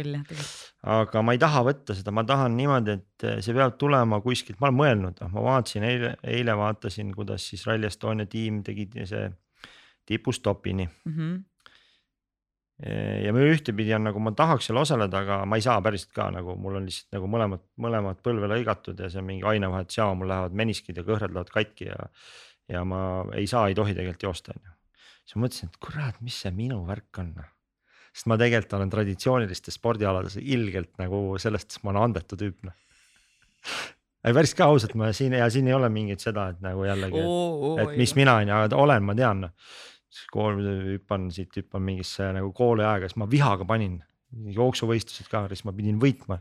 mäletan nelja kilomeetrit jooksime kogu aeg nagu iga siin nagu Kostivere koolis oli mingi kombeks, et jookse neli kilti noh. mingit tehnikat, mingit soojendust ei olnud, lihtsalt laks neli kilti kuradi veremaik suus, et plärakina. siis ma ka kunagi ei võitnud sealt, üks tüüp oli alati kiirem, aga ma nii palju suutsin, et tal järel püsida noh aga siis isa ka mul tegelikult tegeles jooksuga, siis ta ütles, et ka täiesti nagu kohutav, kuidas ma jooksen. aga rattasõit? Põlvedele hea? ja põlvedele hea, aga siis peaks sõitma selle kõrge lenksuga. tüüp, me peame sinuga veits tööd tegema, sest neid vabandusi tuleb ikka jube paljusid. ei, ei, põlved, lenks. kepikõnd okei okay,, kepikõnd okei okay. okay,, kepikõnd okei okay.. tegelikult ütlen kohe, et igasugune rull, suusk ja uisk, super hea. jumala okei okay. Fun ka. tegelikult jumala äge mm -hmm.. okei okay,, mõtle veel, küll me pärast su käest need äh, spordialad veel äh, välja tõmbame. suusatamine no, jumalast väge. no vot. kõik, kus on loogiline liikumine, see sobib. jõusaal? ja kunagi väga meeldis. aga? aga eh, see mulle ei meeldi, tead, mis asi mulle ei meeldi või? me peame minema kindlal ajal kindlasse kohta no üldjuhul jõusaalid on avatud hommikul kella kuuest või seitsmest umbes kella kümneni. Aga vaata, ma olen ikkagi lohv mulle tundub, et see on suhtumise ja, küsimus. ja, ja on, on räige suhtumist, päriselt ka ma ei tee nalja, ma ei viitsi. tead ja ma ja minu arust see on väga aus vastus, sest et äh, minul on olnud ka aegu, kui ma lihtsalt ei viitsi ja siis ongi ja siis ei tee ja vahid neid jooksutosse kaks kuud seal nurgas. näitad nagu mis iganes sõrme ja ütled, et okei okay,, ma tulen tagasi, kui ma olen valmis selleks. Jah, Ja ma praegu ma praegu ootan, et oleks valmis, aga Davai. ma arvan, et tegelikult ma olen valmis, et ma tegelikult võiks mingit, ma ütleks, et kui kas me saame? tead, ma isegi arvan ja ta isegi tegelikult on see, et äh, ma võiks isegi rulluisutada võiks. Davai, kas me saame mingisuguse ei, eesmärgiga ei, siis nii kui ma ütlen, siis see on nagu, see ei ole mina. ma teen ära ja siis ma tulen ütlen. Davai, davai, lepime kokku. Mm -hmm. High five kaugelt niimoodi. -hmm. kuule, aga võtame enne seda, kui me Rally Estonia juurde lähme, siis ma tahaks äh, lihtsalt sinu arvamust. mida peaksid Eesti noored rallisportlased tegema selleks, et jõuda välismaale, kuigi tegelikult on päris hästi, meil on ikkagi s- autospordi maailmas on, on päris, päris mitmed noored läinud praegu välismaale. mida peaks veel tegema? Pikk vaikus. see on ikkagi nagu sellest on nagu finantsiliselt hästi keeruline. ja noh, isegi ei ole aus see vastus vaata, et noh, ma ei tea, tehke tööd ja uskuge noh, lollakas noh et äh, aga ei, peab uskuma noh, siin äh, praegu ka ma vaatan ja elan kaasa loomulikult kõikidele Eesti sportlastele, kes üritavad teha, aga Robert Virves siis sõidab teist aastat juunior WRC-d on ju. väga tubli sõitja ja ja see perekondlik taust on ka sihuke, et ei ole, ei noh, ei ole finantse ja nüüd ma ei ütle, et nendel, kellel on finantsid, et need on kuidagi halvemad, ei ole absoluutselt. lihtsalt seal on fakt, et ei ole perekondlikku äh, finantse on ju, et siin äh, on õnneks tal tulnud nagu päris toredad toetajad äh, taha, et. noh, see kuidagi ikkagi see nagu see energia ja usk tuleb nagu edasi viia ja ära paljundada, noh siis saab. et äh, see ongi see, et kui sa lähed nagu enda unistust kellelegi nagu siis rääkima või presenteerima. kui sul endal on halb seda tehes, on ju, oletame, et ma tulin nüüd sinu käest raha küsima, on ju. noh, kui ma ise kogelen niimoodi, punastan ja jube paha on olla. sul on ka vastik ju siis ju. sa ei taha ju nagu noh, tegelikult nagu. miks sa peaksid tahtma uuesti seal ruumis olla, sul on lihtsam öelda, et ei, on ju, aga tuleb mingi säravate silmadega, päriselt usub, mingi plaan on taga. Kurat küll, et äkki peaks toetama tõesti kihvt inimene või kihvt spordiala on ju. et selle peaks nagu ära, ära murdma. et nagu mitte valetama, vaid nagu päriselt säravate silmadega nagu viima selle enda tunde siis nagu selleni, kes siis võiks toetada. ja noh, kas see on siis rahaline toetus, mingi muu tugi on ju, et see on, ma arvan, et see on selline universaalne soovitus. kuidas süstida nagu ümbritsevatesse enda seda kirge ja usku ja, ja soovi. Mulle meeldis, et sa tõid need kaks asja kokku, et üks on see säravad silmad, aga teine on plaan, sest et mulle kohati tundub, et äh, on kas üks või teine. Jah, et seda, seda kahest kombot on, on, on päris keeruline leida. ja plaan ja siis äh, ja ka selline plaan, kus nagu reaalselt on arvestatud, et võib tuksi minna, on ju, et seesama, et. Et ei ole ainult, et no nüüd kohe lähme, kõik teised on nagu tropid, me võidame kõik ära, paneme kinni ja põmm, et noh, seda, et jäädki viimaseks, et seda ei olegi, on ju. ja et siis, kui nii juhtub, et siis on silmad maas, ei julge Eestis ringi käia, et pead kuskile ära kolima, noh. Mm -hmm. ja ma olen nõus sinuga. aga räägime Rally Estoniast ja räägime kohe sellest aastast, käesoleva aasta Rally Estoniast. mis Rally Estonia toob? Kuule, esimest korda on siis ralli, kus ei ole siis selliseid koroonapiiranguid, saame normaaltingimustes teha. toob kindlasti hästi palju emotsioone, toob Eestimaa pinnale läbi aegade kõige kiiremad ralliautod, need hübriidralliautod. mis on siis nii sisepõlemismootoriga kui ka elektrimootori ja akupangaga varustatud, noh, põhimõtteliselt on hästi võimsad pistikhübriidid. ja mina siis nagu korraldaja ja spordifännina ja rallispordifännina kindlasti ootan põnevusega, tahaks neid näha juba Rally Estonia teedel. ja, ja noh, pealtvaatajatel on see võimalus üle seitsmekümne ala tuledest, viledest kuni nagu öö, põlismetsadeni välja, kus seda jälgida, et. ja no loomulikult nagu Tarmo ja tema tiimi nagu headuses äh, kõik meelelahutusprogrammid ja äh, mis Tartu kesklinnas isegi on tasuta, selles suhtes, et kellel pole võimalusi, siis tasuta asju on, toimub Tartu kesklinnas piisavalt ja saab, saab tulla ja tunnetada seda ralli vibe'i me oleme rääkinud või tähendab, sa oled maininud mitu korda Tarmot ja Silverit. By the way, ma ei tea, kui tihti teid Silveriga sassi aetakse? kuule järjest rohkem nagu ma ei tea, mingi hääle ja näoga ja pff, täitsa nagu naljakas jah see on jah päris, päris huvitav, et ma vaatasin korra, et, et kui ma esimest korda teid nägin, siis ma mõtlesin, et oot, kas see on mingi vend.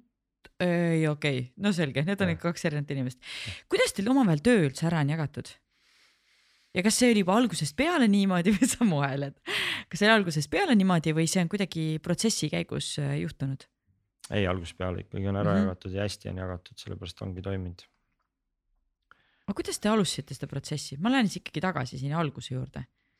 päris naljakas, sellepärast no. et äh, meil oli mingi, meil olid säravad silmad ja meil oli plaan ja me vaatasime siis äh, interneti avadus, avarustest vaatasime nagu pilte ralli tegemisest ja et kuidas kuskil on tehtud ja siis võtsime need pildid ja. Tegi, muidugi tegime, Tarmo tegi esimese presentatsiooni valmis ja läksime rääkima, kuidas pff, nüüd hakkab maailma vallutama. Noh. kas te ise päriselt uskusite? muidugi, täiega, täiega muidugi, ausalt noh, peabki uskuma nagu see, see on jälle see, et kui sa tõde teaksid siis sa ei tee mitte midagi, sellepärast ongi siis, kes tõde teab, siis sellel on täitsa tuksis. Noh. kas, kas teil oli konkreetne plaan saada MM-etapp Eestisse? ja, ja me ikka võtsime pika sihi, aga see on samasugune jutt, et tuleb mingi noor rallisõitja, ütleb, ma tahan maailmameistriks saada, noh siis noh tuleb vaadata. aga noh, meil oli nagu, me julgesime selle välja öelda küll. aga kui palju oli toetajaid, kes vaatasidki niimoodi? Ja ikka enamus ikkagi meil ju ei uskunud, väga kõvad rallispetsialistid ei uskunud veel kaks tuhat kakskümmend aasta alguses, et ütlesid, mis sa Urmo räägid, noh. ära lõpeta valetamine ära, noh. never ever ei juhtu seda, noh.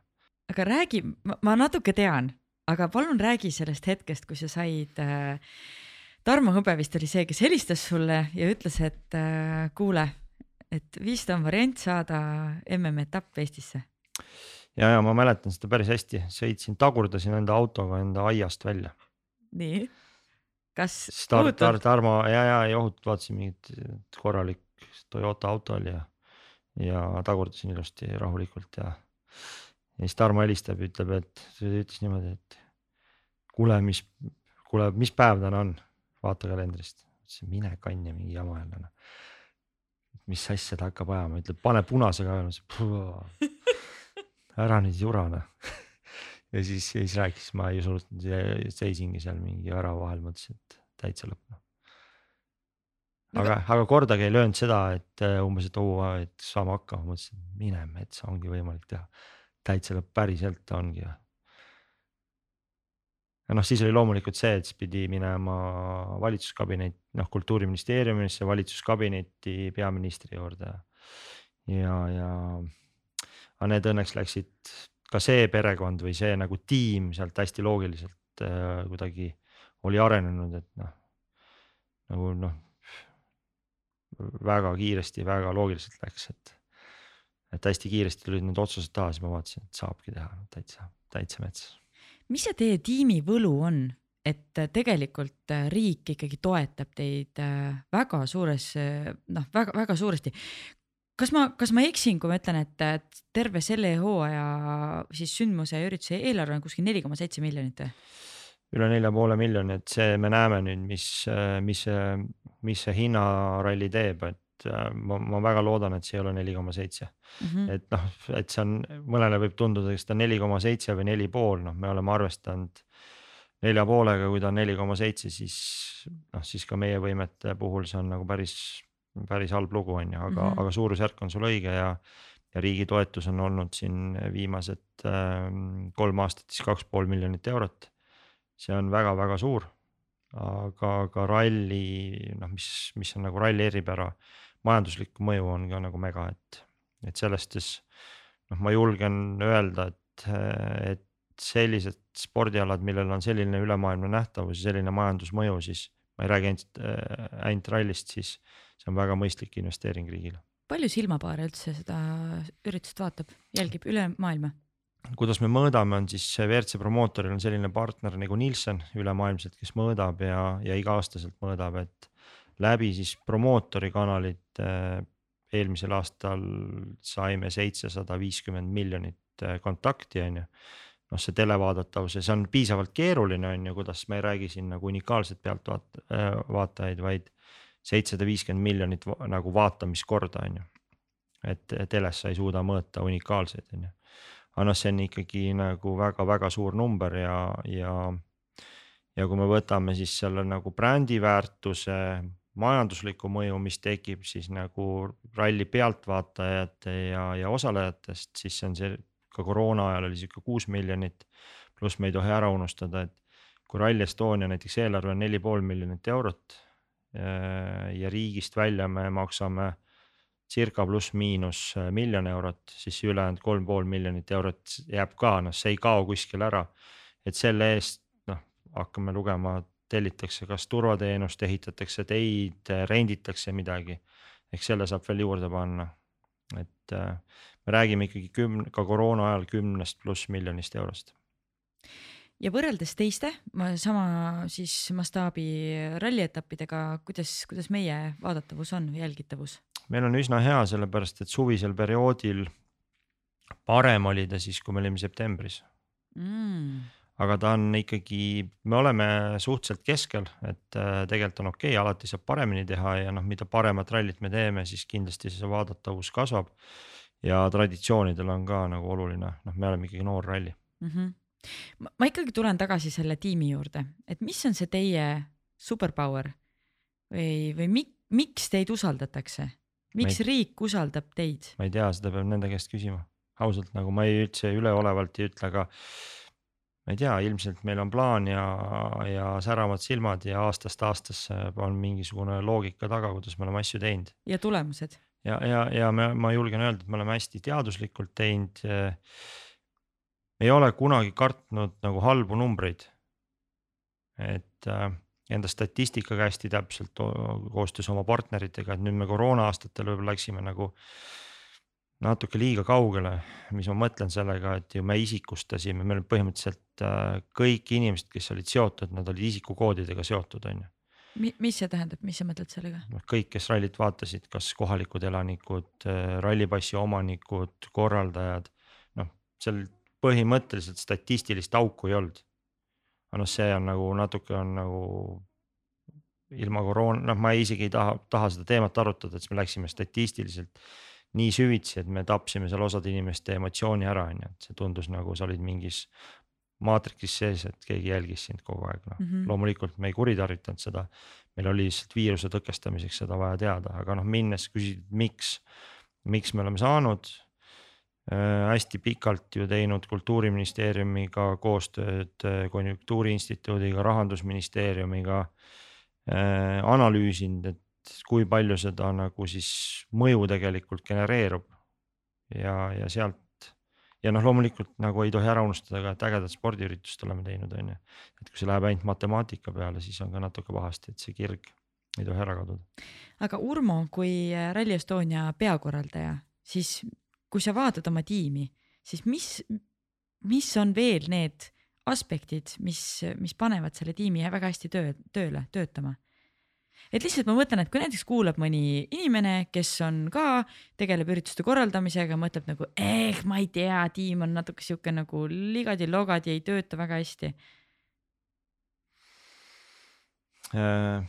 Lähen kaks tuhat kakskümmend ralli järgsesse perioodi, kui me olime esimest korda MM-i ära teinud. ja mina tunnetasin seda nagu üsna kiiresti, vaata seda sihukest mingit lõppjaama nagu tunnet, vaata ma kogu aeg unistanud, et nagu MM-i ja, sinnamaani tõmbaski inimesi see, et MM-i toome Eestisse on ju, et ilgelt äge värk on ju, tegelikult võimatu, aga nagu paneme ikka noh. ja sealt, noh sealt midagi nagu murdus, et siis oligi käes, aga mis me nüüd hakkamegi nüüd MM-i tegema iga aasta hakkamegi nagu tööl käima teeme MM-i iga aasta. siis korraks mul endal inimestel jooksis kokku, aga ikkagi väga paljud inimesed on jäänud alles, et sealt ma olen saanud nagu tõestuse, et ei olnud ainult see nagu see mingisugune. mingi lõppjaama teooria, et tahaks sinna jõuda, siis on kõik olemas, on ju. ja siis me oleme oma tiimis sees ka äh, nagu mõelnud, et mis see Rally Estonia kaks null on, kes on need inimesed, miks nad teevad, on ju, millega nad samast, samastuvad. mis neid äh, inspireerib, motiveerib, on ju, Aret oleme hästi palju kaasanud, on ju. sellesse arutellu on ju, kõik, kes Aret teavad, siis teavad, et see on väga inspireeriv, on ju, ja, ja. ja kes ja. ei tea, siis minge kuulake osa sada, kus Are ja Anti mõlemad räägivad siis oma loost ja, ja mentaliteedist ja mõlemad väga ägedad tüübid, et äh, aga tulles tagasi äh, ja kindlasti meie, meie tiimi üks äh, nagu siis nagu osad olnud kogu selle, kui neid ei olekski olnud, siis Rally Estonia ei oleks sihuke nagu ta on, on ju. aga, aga nende inimeste juurde nagu tagasi, siis, siis mulle tee-, mulle tundub, et me tahame kogu aeg paremini teha. Mõtled, et mis mõttes, et kõik tahavad kogu aeg paremini teha, tegelikult vaadake ümberringi, tegelikult väga paljud ei taha teha paremini tahavad lihtsalt teha, lihtsalt tahavad teha. ja see on väga suur vahe, kas sa tahad teha kogu aeg paremini või sa tahad lihtsalt teha. see on nagu täiesti, see on öö ja päev. ja ma arvan, et see äkki, äkki see, et me, seda ei saa käskida, vaat kas sa tahad või ei taha. ja mulle tundub, et me tahame. ja siis me oleme sellised natuke viielised õpilased, käsi püsti kogu aeg, tahaks veel nagu e-, esimesena ka teha. see on isegi nats häbi on, et siuksed nagu natuke oleme niuksed võib-olla. miks? Be first. ei no, noh be first jah, aga. seal on mingisugune, seal on hästi nagu, nagu peenjoon, millal see läheb haiglaseks ja ma isegi ütlen, et mingitel perioodidel on see läinud meile haiglaseks. selle be first'iga tuleb olla ettevaatlik ma siin ei kritiseeri Sportlandi kuidagi sloganit ei no kui sa kritiseerid, ma võtan selle vastu. ja siis ütlen, et sa oled esimene, kes seda ütleb. ja ei, ma võib-olla olengi esimene, kes seda ütleb, et äh, lihtsalt esimene olemise mõttes ei ole vaja seda teha, vaid see peab tulema seestpoolt. see on lihtsalt nagu selgitav, noh, see on nagu siis see on, see on nagu user manual. aga see ei ole see spirit. Täpsusta, räägi sellest natuke täpsemalt sa ei saa sõnadesse panna. miks ei saa? praegu, sest praegu on, tead, mis sa teed või? sa teed niimoodi, et sa viskad inimestele nagu äh, kommipaki. ja siis seal ei ole avamises, et need ei ole võimalik avada. aita seda avada natuke. ei no vaata, kui sa nagu noh, mul see maailmavaade ei lu-, nagu ei, ma ei tea, ei luba ma ei saa ju anda mingeid hinnanguid, tehke nii või tehke naa. aga räägi endast selles mõttes, et kuidas, kuidas sina tunned, see ei ole otseselt, ütleme nii, et sa ei soovita, aga sa räägid nii, kuidas sina tunned elan oma elu, siis ma tunnen nagu mingi plaks käib ära, siis ma vaatan, kuradi äge, ma hakkan seda tegema täitsa lõppu ja siis mul juba pff, kuskil taustal käib, plaan tuleb, jookseb noh. siis mingi hetk ma saangi juba aru, et ma olen selle sees, siis keegi küsib, et kuule, tropp oled, oli vaja nüüd või? ja vaata, see on see, see ongi see, et see, mis nüüd juhtub, on see, see lõpuks, kui keegi paneb selle kirja, siis see on nagu Urmo kasutamise manual, aga see, mis on manual, see ei ole Urmo, sest ta on midagi muud Sportlandi see nagu noh, see be first, see on lihtsalt nagu, see on nagu tagantjärgi tuld. see on nagu siis spordi tulemused. saad aru, mis ma räägin, on ju, aga see ei ole see spirit. see lihtsalt kirjeldab ära, et see on noh, isegi võiks öelda, et nagu, nagu siis mine, see oli see. On või liiga läheb ära. ei juba. ole, ei ole, ei ole, see ongi väga äge. kui paljud, kui palju sul on ümber inimesi, kes samamoodi mõtestavad oma, oma tegemisi niimoodi lahti mm,? kindlasti on väga palju, nad ei ole nii edevad kui mina. aga jumal tänatud, et sa oled, kui sa ütled, et kui see on nagu edevus, sest et see on info ja see on, see on selline mentality, mida, millest peaks rääkima, sest et kui kõik teevad üksi, bosserdavad, siis see ei saagi nakata. Kas eeskuju olemine sinu jaoks on kuidagi, on, on raske või? ma tulen tagasi selle teise küsimuse juurde, et äh, minu arust on ka väga kihvt avastada, on ju, noh, nagu ma ütlen, et andsin endale hinnangu praegu, et ma olen edev, on ju.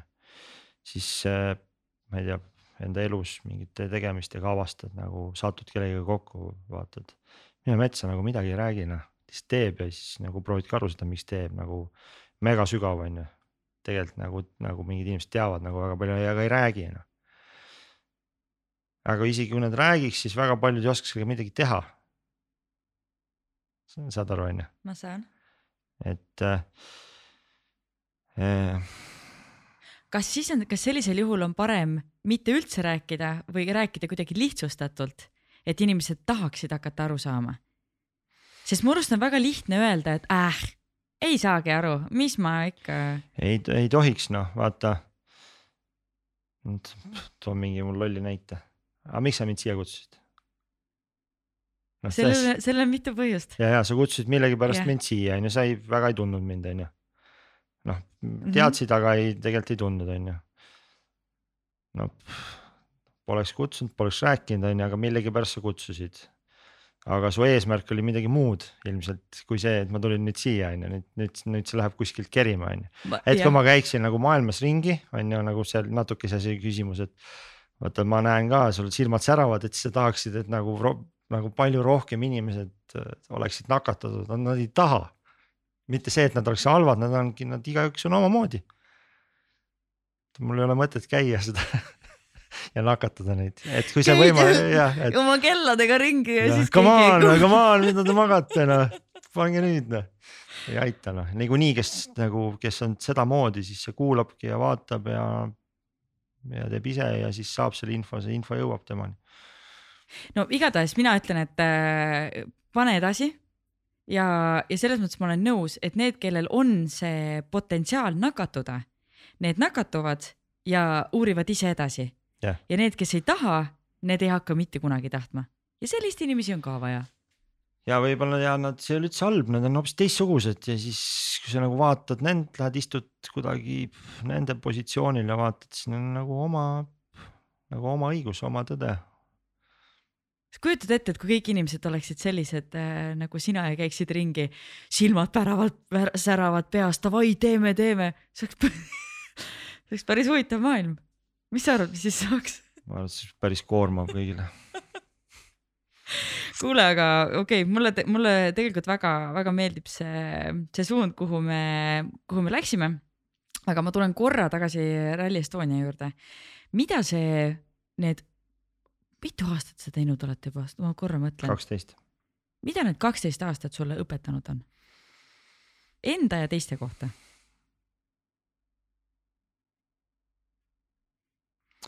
mina olen õppinud ära usaldamise, delegeerimise.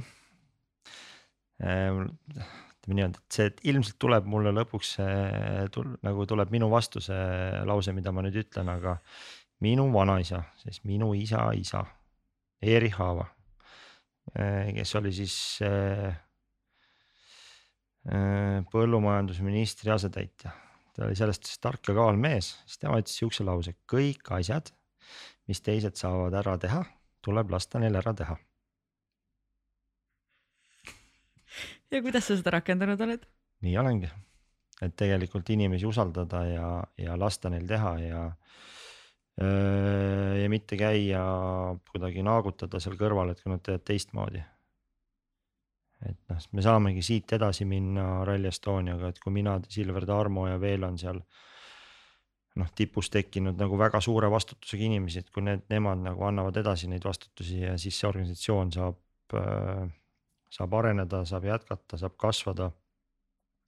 ja ega minu, selles suhtes minu unistus ei ole nagu ma ei tea, lõpp nagu igavest aega hoida sellest nagu positsioonist kinni. kindlasti see aeg tuleb, kui keegi võtab selle üle ja kindlasti ma tahan, et keegi võtaks selle üle. see oleks äge. on ju, et lasta neil teha, mis nad saavad teha. Davai, säravad silmad, kõik, kes te olete praegu, mõtlete, et tahaks teha maailma paremaks paigaks, siis otsige Urmo Aava ülesse, näidake teil, talle, kuidas teil need silmad säravad. aga ma kujutan ette, et noh, nagu sa juba ütlesid, et on olnud pidanud olema ka muutust sinu enda sees kogu selles protsessis, mis on olnud kõige valusamad muutused, mida sa oled pidanud tegema selleks, et see üritus oleks world class? Me Tarmo ja Silveriga oleme hästi head sõbrad tegelikult ja noh, mingil hetkel on ikkagi läinud nagu päris teravaks. ja ühtepidi see nagu teravaks minemine omavahel on, on hea, sellepärast et ongi erinevad arvamused, erinevad maailmavaated, erinevad käitumismallid ja mingil hetkel ma võtsin seda nagu väga isiklikult, sest ütlemised läksid ka isiklikuks, on ju. aga seda peab ka nagu jälle ei pea, aga see on üks osa selles arengus, et. Et kui ma ütleks seda, et a, tegelikult nagu puhake jalga, ma ei viitsi nagu niimoodi, vaata, see on see mingi tingimustega, vaadatakse tingimustega armastus või tingimustega, see on tingimustega tegemine. siis ma sain aru, et nagu, et noh, mis ma siin nagu pirtsutan, noh tegelikult ongi, keegi paneb põmm ära. no ma olen viimasel ajal kasutanud, siis keegi paneb mingi ilge paugu ära, siis ma olen öelnud, ma armastan sind ka mis ajab neid närvi, sellest see võib-olla ei ole kõige parem. Aga kui kerge või raske see protsess on olnud? ja on ikka vast, kes mind teavad, siis äh, ma olen tähtkujult veevalaja, ma hästi usun tähtkujudesse. halleluuja, sama siin. jah, et äh, minuga on nii, et üldiselt ma olen sõbralik, üldiselt ma olen paindlik äh, ja äh, päris hea empaatiavõimega, aga siis, kui keegi mind närvi ajab, siis tuleb veeuputus. ja kuidas, kuidas sa nendel hetkedel äh, ennast taltsutad, et mitte nagu verbaalselt inimest üle kallata kõigega? kui ma ütlen pahasti, siis ma ütlen nii pahasti, et äh, auk jääb maasse. kas see on mõistlik? ei. kuidas sa seda taltsutad? ei taltsutagi, ma ei saa lihtsalt, mul läheb, mul läheb kuul kokku ja silme eest läheb mustaks ja mm, -hmm. aga selleks peab päris kaua vaeva nägema. okei okay no loodetavasti seda ei juhtu tihti. küll aga mm, sul on tegelikult üks, veel üks amet, mis võib-olla aeg-ajalt võib ajada ka kuuli kokku, sa oled kolmekordne isa. ja väga äge. väga äge mm. -hmm. mida isadus sulle õpetanud on äh,? hakkame siis esimese lapse sünnist peale, siis äh, äh, kõikide laste sünd on, noh siis ma panen siis kuidagi lapsi mitte eristada äh,. siis äh,. kõik lapsed teavad, et vanematel on lemmikud anyway, nii et. ei ole, tead, mis ma ei sellest ole. Äh, räägin no.? ma siis räägin selle esimese lapse sünni, Dmitri Evan sündis nagu kõige mega nagu vägev sündmus. ja ma ütleks kõige ägedam sündmus minu elus, olin seal kõrval nagu ma ei tea naised on jumalad, ma ei tea, mismoodi, kui ma peaks sünnitama, siis ma ütleks, pange magama, lõigake välja. Never ever ei sünnitaks, noh täitsa rets no.. ujuks mingi suure sada tuhat kilti. Et see on nagu mega noh, mis, mismoodi nagu naised suudavad ennast kokku võtta, kindlalt kõige ägedam sündmus ja sealt edasi teised nagu sünnitused äh, ka on ju. aga sa ütlesid, et nagu lastel, et kõik lapsed teavad või vanemad teavad, neil on lemmikud mul oli alguses hirm, kui on nagu esimene laps, mul on niimoodi, et lapsed on iga kahe, kahe aasta tagant. siis mul tekkis megapaanika teise lapse sünniga, sest ma olin nagu kiindunud nii palju esimesse nagu lapsesse, ma mõtlesin. kurat, kas see võimalik on, et mulle nii meeldib see esimene laps ja siis teisega ei ole kontakti. ja see läks üle noh ja nüüd on nagu niimoodi, et nagu kõik on nii moodi nagu omamoodi ägedad, nagu omamoodi lemmikud, ma ei tee nagu, päriselt ka ei tee südamest vahet noh. ja mul on nii hea tunne noh. päriselt mul ei ole lemmikut ma, ma tegelikult usun sind, ausalt. päriselt ei ole, mul, mul läks see nagu kuidagi hirm läks üles, ma mõtlesin, oo oh, jess raisk ja siis, kui mul plika sündis ka veel, noh siis oli nagu nii vinge noh. läks kuidagi sett läks kokku, põmps. mida sa neile enda poolt ellu kaasa tahaksid anda, mis on need õpetused?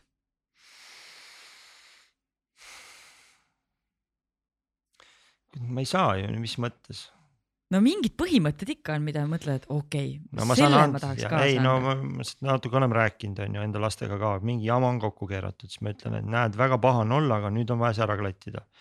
et noh, selle järgi nagu te hakkate iseennast tundma ja teised teid tundma, kuidas te selle nüüd ära klatite. see on üks asi nagu, kõik tahavad olla head lapsed, on ju, tahavad, aga no proovi olla paha ja sealt välja tulla. see on üks asi, mida, mille üle me arutleme. ja, ja kindlasti kindlasti selline nagu tolereerimine, empaatiavõime ja samas ka sihuke teravus ja, ja ikkagi soov pingutada ja tasakaal, töö ja puhkus ja õnn ja õnnetus ja ma tahaks teada, kuidas te arutlete, aga enne seda ma tahan öelda kuldsed sõnad oma nelja-aastase õetütre Saskia poolt, kes eh, siis selle jõulude ajal, kui me rääkisime, et, et noh, et päkapikud hakkavad käima ja et, et, et noh, et kas sa oled hea laps olnud ja siis ta vaatas mulle otsa, et tead, tädi Sanju, tegelikult ei ole sellist asja nagu head ja halvad lapsed, on lihtsalt halvad tujud. ja ma olin nii, appi nelja-aastane just pani mulle ära, et see oli nii nagu see oli nii tore, ma just hakkasin mõtlema, et vau, et tõesti. kas sa usud sellesse? jaa, kindlasti. ma ei usu sellesse, et keegi sünnib halvana. see on mingi muster, mis tuleb kaasa ja noh, siin me juba, see läheb esoteerikasse. aga räägi nendest aruteludest, kuidas see, kuidas see käib teil, kui vanad äh, nad praegu on? kaheksa, kümme, kaksteist ja kas see ongi kuidagi organiseeritud, et istute maha ja te räägite või? ja ma vahepeal pean organiseerima, sest et eh, kindlalt minust nagu ägedam tüüp on nutitelefon. et ma pean ikkagi seda organiseerima. aga mul ikkagi õnnestub nagu siis vanema poja ja siis tütrega mul õnnestub neid asju, need tekivad nagu lihtsamini ise. keskmise pojaga ma pean neid tekitama, aga siis, kui tekivad, siis on nagu väga lahedad ja noh, sealt nagu niimoodi, et on äh, vanem poeg on hambur ja siis tütar on hambur ja siis äh, keskmine poiss on skorpion. et äh, siis, kui ta alt sealt pirne hakkab tulema, siis nagu heas mõttes noh nagu, et siis, kui sa paned selle nutika eemale ja siis ta hakkab rääkima ja mulle jubedalt meeldib niimoodi, ma vahel isegi teen päevi, kus ma võtan nad, palun vabandust õpetajate ees, ma võtan nad koolist ära võtan kas nagu endale tööle kaasa, lähme juba, ma tean, et on mingi väljasõit, teeme, teeme tööd või siis ma saan nagu päev otsa nendega koos olla, et me sõidame ja siis me räägime ja arutleme ja mõtleme ja. et see on hästi äge niimoodi olla koos ja maal ka äh, teha tööd ja. see on kihvt nagu koos olles, mitte see, et me istume laua taga, et nüüd panen paika, nüüd isa räägib, te siin kuulate ja siis ma tean, räägin teile tõde. et me niisuguseid asju ei tee. kust see mõtteviis sulle tulnud on, et just selliseid asju teha? Minu pere on minu kõige suurem sõber. lihtsalt ma ei tea, noh, on ju. seda jumal... ei tehta väga palju. ei, mina ei nagu tee. see praktika, võib-olla tehakse ka, ma ei. mulle jubedalt meeldib oma lastega ja ma ei tea, naisega ja oma perega koos teha ja. minu arust ongi kihvt, kui tehakse koos, vaata siis seal ei ole nagu mingit nagu pingutust, sellest pingutus suhelda. teedki midagi koos ja sõidad koos, arutled ja kuulad ja noh, nii kui sul just räägitud looga, et nagu lastest tuleb vahepeal nagu selliseid nagu mõtled, opa, nagu kust sellega tuli nüüd. ja tegelikult oleks hullult tahtnud küsida su käest, no ma sain seda küsida, sa küll ütlesid pool vastust ära, äkki sul on midagi lisada, et mis on ühe hästi toimiva pere saladus? kurat, ei tea ju. sa tea. tead, mulle tundub, et sa teed seda ei, ei või mida, mida, mida sina teed selleks, et teil süsteem toimiks hästi? Noh, see on jälle see, et on nagu, kas on või ei ole. ma võin ju sulle nagu manuaali lugeda, on ju. ma armastan enda peret, noh ja vist nemad armastavad mind ja. siis seal ei olegi midagi. tahe. mulle tundub, et seda sul vist on. no vaata, ma ei saa ärgata hommikul üles ja öelda, et tahan tahan oma pere armastada. ei, ma just mõtlen, et, et sa tahad midagi noh, enamat teha, sest et see, et sa ütled, et sa võtad lapsed mõnikord äh, koolist ära ja võtad nad kaasa lihtsalt selleks, et nendega midagi koos teha. no ma ei kuule seda väga tihti, pigem on see, et pange nad sinna kooli et nad oleks seal, et me saaks ise nagu oma asju teha. no võib-olla on sellest, et ähm, mingi hetk vaata, ma ta-, noh, ma ise siin nimetan, et oleks lihtsasti arusaadav see nagu lõppjaama teooria on ju. et noh, noh, hästi siuksed robustselt öeldes, et me tahaksime, et meil oleks valmis nagu, nagu valmis lapsed, keegi teeks nad valmis, need oleks meil head ja siis me oleks õnnelikud. no tegelikult ei ole ju sihukest asja ju. mis mõttes sa saad siis selle valmis lapse kuskilt koolist ja siis oledki, hakkad õnnelik olema järsku. et vot, kui sa hakkad nagu selle üle mõtlema, siis noh, jälle klišee on ju siin ja praegu, aga ma proovingi võtta niimoodi, et ma olen ja. isegi kui me vahepeal läheme riidu, siis on ka tore ju Keegi poriseb hommikul, ei tule ülesse. noh, juba tean ette, et ei tule noh. mis seal ikka siis, siis poriseb natukene ära ja. kallistad ja, ja vaatad ja keerad ilusti nõksti lahti noh. räägime veidike ka vaimsest tervisest. kui palju sina mõtled äh, oma vaimse tervise hoidmise peale? Päris palju olemegi rääkinud vaimsest tervisest, vaata. jah, tõsi. jah ja. ja.. et ikka mõtlen ja ma arvan, et see on väga, see on väga peen joon. mis sa mõtled sellega? noh, vaata praegu tunnen ennast hästi, on ju, täitsa adekvaatse mulje olen jätnud, on ju. aga noh, ma mõtlen selle peale ka, et vaata mingil hetkel, kui ei ole enam hästi. See on, ma arvan, et see võib, et inimest, kes on olnud mingis väga sügavas kriisis, hästi kiiresti võib see käest ära minna, on ju. ja ma ei tea. ma arvan, et sa pead nagu jõudma kuskile sellisesse kohta, et äh, jälle ei pea ju, tegelikult ei pea ju jõudma kuskile kohta. et nagu mõtiskleda, vaadata ja noh, need hirmu ja kõik need küsimused, hirmud, usud äh, äh, saada kuskilt nagu valmis vastus, mingi valem. ei ole, ei tohigi olla sa oled, mulle meeldib, sa oled meediatreenitud. ei ole, ma ei ole üldse, ma ei ole üldse meediatreenitud, ma räägin päriselt nii. mina olen kõik need asjad, millest ma praegu räägin, noh, mis ma arvan, et mul on õige läbi mingi jamana. ei, ma mõtlesin selles mõttes meediatreenitud, et see on ajakirjanike nipp, et sa jääd vait ja sa ootad, et kas külaline hakkab veel midagi rääkima. ei no see on oma, see on omaette trikk. Äh, vaata, kui keegi sõimab sind näiteks. jääd vait. jää vait. tead, sihuke ebameeldiv sõimaja on sul, sa Mhm. vait. või siis ütled, ma armastan sind. jah, see on need, kui on juba nagu siuksed nagu lähedasemad inimesed, siis võid nagu seda kasutada, onju. Aga keegi sõimab lihtsalt robustselt, siis on nagu pull vaadata, kuidas ta sõimab, sõimab, siis ei vasta midagi, siis ta sõimab edasi ja siis tal läheb lõpuks sassi, sest ta enam ei mäletagi, mille eest ta sind sõimas ja, ja oled lihtsalt vait. vot see on hea trikk. Kas sul on, aga kui ma ikkagi, ma tulen korra selle vaimse tervise nagu praktilise osa juurde, kas sa, kas see on lihtsalt nagu teadmine su enda sees, et sa hoiad ennast kuidagi ala või nagu alateadvuslikult hoiad või sa teed ka igapäevaselt midagi selleks, et olla terve? Tead, ma mõtisklen ja mõtlen ja proovin tunnetada ja. ja noh, nüüd sa alustasid väga toredalt selle nagu en, enda nagu siis kuidagi patsutamise ja premeerimise ja selle õnnetundega on ju. et kui me saame nagu sellest ära, et noh, see on, see ongi elu filosoofia, seesama laste et pane nad sinna kooli, et tehke valmis, ruttu tehke valmis, andke mulle tagasi, andke mulle minu õnn, on ju. noh, kui sa niimoodi elasid, teen selle kodu valmis, siis ma olen õnnelik, andke mulle lapsed, andke mulle see reis, mul on praegu vaja reisile minna, siis ma pean olema õnnelik. noh, siis on nagu, see on crap noh. kui kaua sul on võtnud aega, et jõuda selleni, et mõista seda? noh, ma ei tea, no praegu istun siin, olen õnnelik, on ju. tundub, sina oled ka õnnelik. ei tea, kas ta on. Patrik näitab Patrikul on kaks pöialt üleval. jah, et äh, nii ongi ja kui nii suudad, siis on, siis on hästi, aga ma ütlen, et see on peenjoon, et siin ei tasu minna ülbeks. oled sa selle, kui tihti sa üle selle joone astud? ei, ikka astun, ega lähen närvi vahepeal ja teen haiget inimestele ja aga see on väga inimlik. mitte füüsiliselt, vaimselt. ei, see on ikkagi nagu, ega kõik me oleme inimesed ja, ja ikka juhtub ja. ja küsimus, kuidas keegi seda võtab siis Mm -hmm. aga ei, selles suhtes, ega ma ei, kindlasti ma ei ole absoluutselt tasakaalus. ja kui ma oleks absoluutselt tasakaalus, siis ma oleks täitsa mõttetu vend.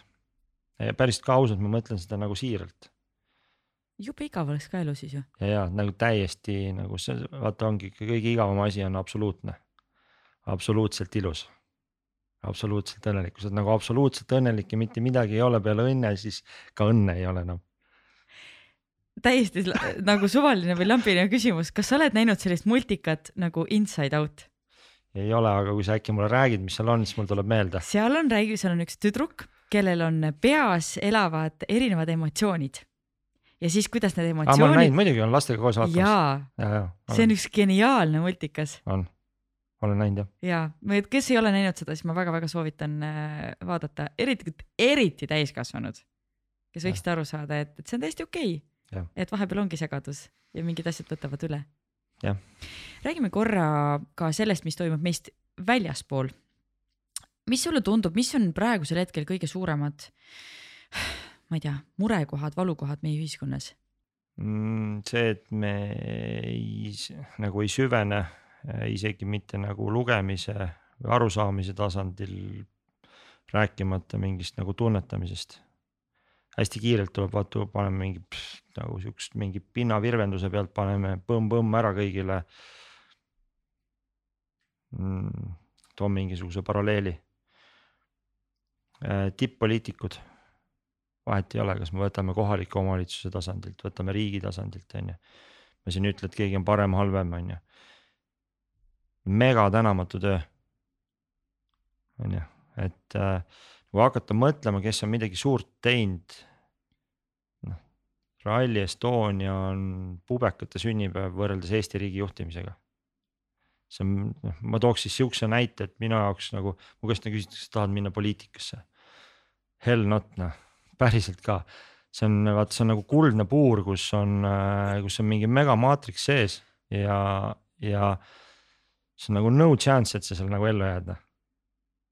Ja ikka osad inimesed leiavad ja et see on nendel nagu tegelikult, sa näed, väga paljudel on nagu sära silmis ja nad nagu tahavad teha. lihtsalt kurb on see, et nad kistakse puruks seal. et nendel ongi nagu see mingi, kellel ühtepidi, kellel teistpidi sihuke soov midagi päriselt ära teha. jube raske ja mul on hästi kurb seda nagu vaadata, et ma ei näe, et ma näen, et üldse nagu maailmas võtame võib-olla, lihtsam nagu tunnetada.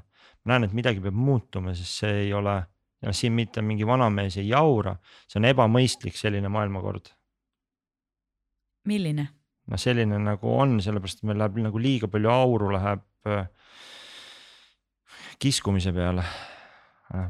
me ei taha mingit kommunismi lihtsalt nagu mõtiskleda, et kas see on nagu mõistlik äh, kui liiga palju aega, liiga palju nagu ma ei tea, inimeste elusid nagu läheb kurbuses mööda. See on nagu mure, kurbuses, valus ja hirmus. aga mida iga inimene võiks teha, et see, kasvõi see süvenemise probleem kuidagi laheneks või? et see võib-olla tund-, tunduda ka nagu lollina, et vaata selline mingi tingimusteta, natukene nagu tingimusteta tegemine või tingimusteta panustamine hästi palju ma taban nagu seda, et nagu üritad midagi teha, siis ennem kui isegi tegema hakkad, siis tekivad mingid tingimused, et. Ma teen sinuga seda siis, kui nagu niimoodi nagu, kui sa hakkad nagu niimoodi käituma, on ju, siis ma ütlen ka, et. kui me nagu niimoodi läheme liikuma, et ma pean nagu hakkama mõtlema nii, nagu sina mõtled või siis mingi grupp. noh, siis meil on mõtet seda tegema hakata, et äh, noh, ongi see kuldse puuri äh, efekt tekib, on ju, et et päriselt, kui sa hakkad vaatama, palju sul seal nagu ruumi on, siis väga ei olegi ruumi, et sa annad mingit vale signaale on ju, et aga kas see pole mitte see, kuidas me oma lapsi väga tihti kasvatame? et kui sa pesed nõud ära, siis ma annan sulle selle. kui sa ei jonni praegu, siis sa saad selle, et sa kogu, et sa nagu kasvatad seda tingimust. ja, ja, ja siin ma pean kahjuks, ma nüüd vabandan ette juba kõigi ja inimeste ees, kes on usklikud, on ju, et ma ise olen sellest ajast usklik, mul on sihuke kujunenud oma uskumus, et see on, see on.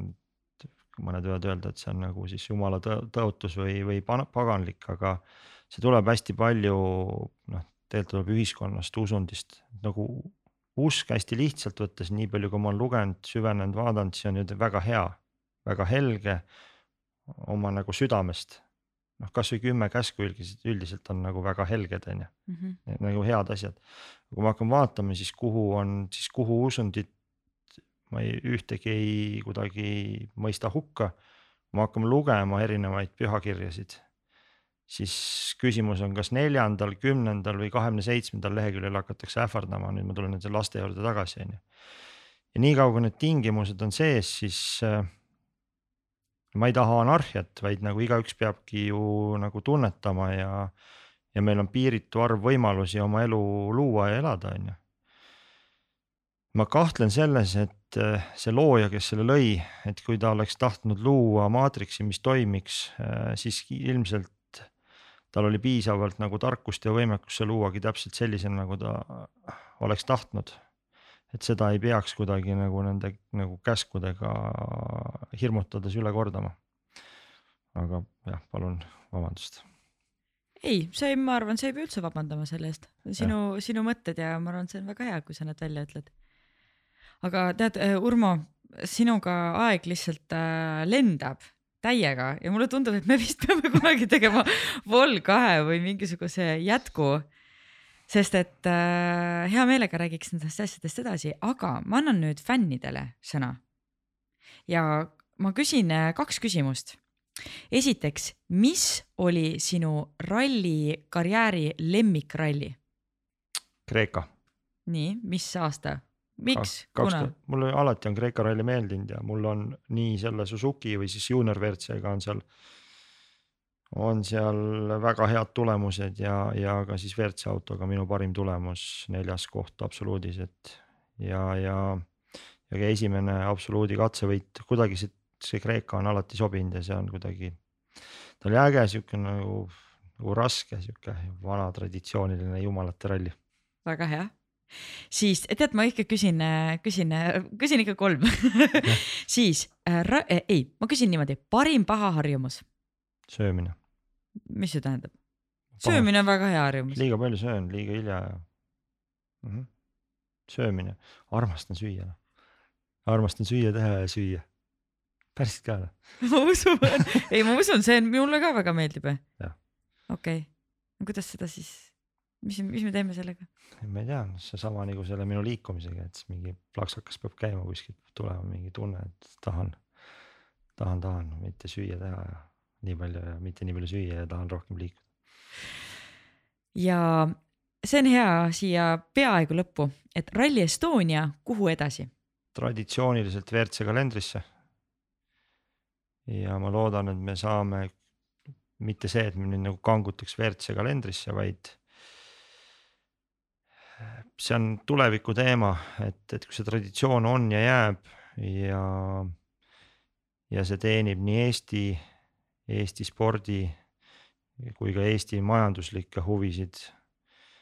ja noh, päriselt teaduslikult ja kui me suudame neid praktikaid, mida me siin praktiseerime, viia kogu nagu üle maailma, siis rallisporti, autosporti ja üldse sporti, siis see ongi siis meie Eesti. see, kuidas me Eestis asju ajame no ma soovin teile igal juhul äh, megalt äh, edu, jõudu, et, et see, et see realiseeruks sest noh, te olete ikkagi, see on massiivne, see on massiivne töö, mis te olete ära teinud. aga sa tead seda? ja, ja ma tean seda ja, ja miks ma seda teen, osad on küsinud, miks sa päriselt teed, miks sa teed? mul tegelikult jubedalt läheb korda see Eesti värk. Et ma isegi, isegi tuleb meelde nagu, mulle jubedalt meeldis ajalugu, siis mulle meeldis Eesti see muistne vabadusvõitlus on ju. siis ma kogu aeg mõtlesin, et kurja küll, kui saaks ajas rännata, et mis ma oleks saanud teha, et missuguste relvadega minna sinna nagu. et kuidagi nagu, et Eesti jätta nagu, et ei oleks seda orjaaega olnud uh. -huh. sealt ma kuidagi nagu see Eesti värk noh. ja, ja see on Eesti värk.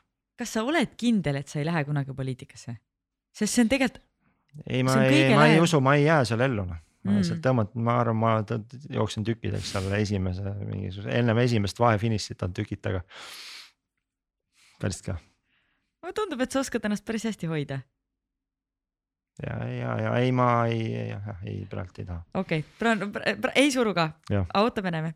nii, aga viimane segment, soovituste nurk ja siis meil on, siis on kõik. Ja, see on päris raske. nii, üks teos, mida iga inimene võiks tarbida, olgu see siis raamat või ma ei tea, näidend, film, seriaal, podcast. laulupidu. Hmm.. kindlalt nagu mul tõmbab niisuguse kuradi klombi kurku noh, pilli lahti iga kord, kui tuleb Siiri sisaskivis maas on, siis ma kuulen esimesi noote, siis ma olen juba ja, kadunud. ja mul sama lugu, isegi Noriti Rally Estonias, kui me tegime esimest korda seda MM-i, siis ma ütlesin, et kindlasti nagu Siiri sisask lendab mesipuu poole on teine, see on lihtsalt, see on väga hea soovitus. siis üks hetk, mida iga inimene võiks kogeda Mm, ma ei tea, siis last sünnitada või lapse sünni juures olla. ja üks oskus, mille iga inimene võiks ära õppida. armastada. kuna me oleme nii hea selle jooksu peal, siis ma küsin, sa oled Be First, sa oled esimene, kelle käest ma küsin neli. nii. üks spordiala, mida iga inimene võiks proovida. väga igav vastus, Raili aga kus tavainimene seda proovida saaks? sõitke või noh, ütleme autosport siis, sõitke karti, minge Laitse ralliparki võimalik laenutada autosid. ja kellel on rohkem vahendeid, ostke ralliauto, otsige mingeid treenereid, Eesti Autospordi Liidus on, on selleks loodud süsteem, et, et, et keegi kindlasti aitab. väga hea soovitus. Urmo mega thanks, et sa täna külla tulid, see oli tõesti, nagu sa enne ütlesid, et ma ei oleks oodanud äh, sellist vestlust, nii et. Äh, see on päris pull, siin nagu räägin vahele, et üldiselt nagu tundub, et nagu arvatakse, et tuleb mingi autojuht et üks mõte oli, aga see käis eelmine nädal ja rohkem rohkem ei ole tulnud. väga lahe, aitäh sulle Ja. ja aitäh kuulajad-vaatajad, et olite taas kord meiega järgmise korra. Sportland, Be First podcast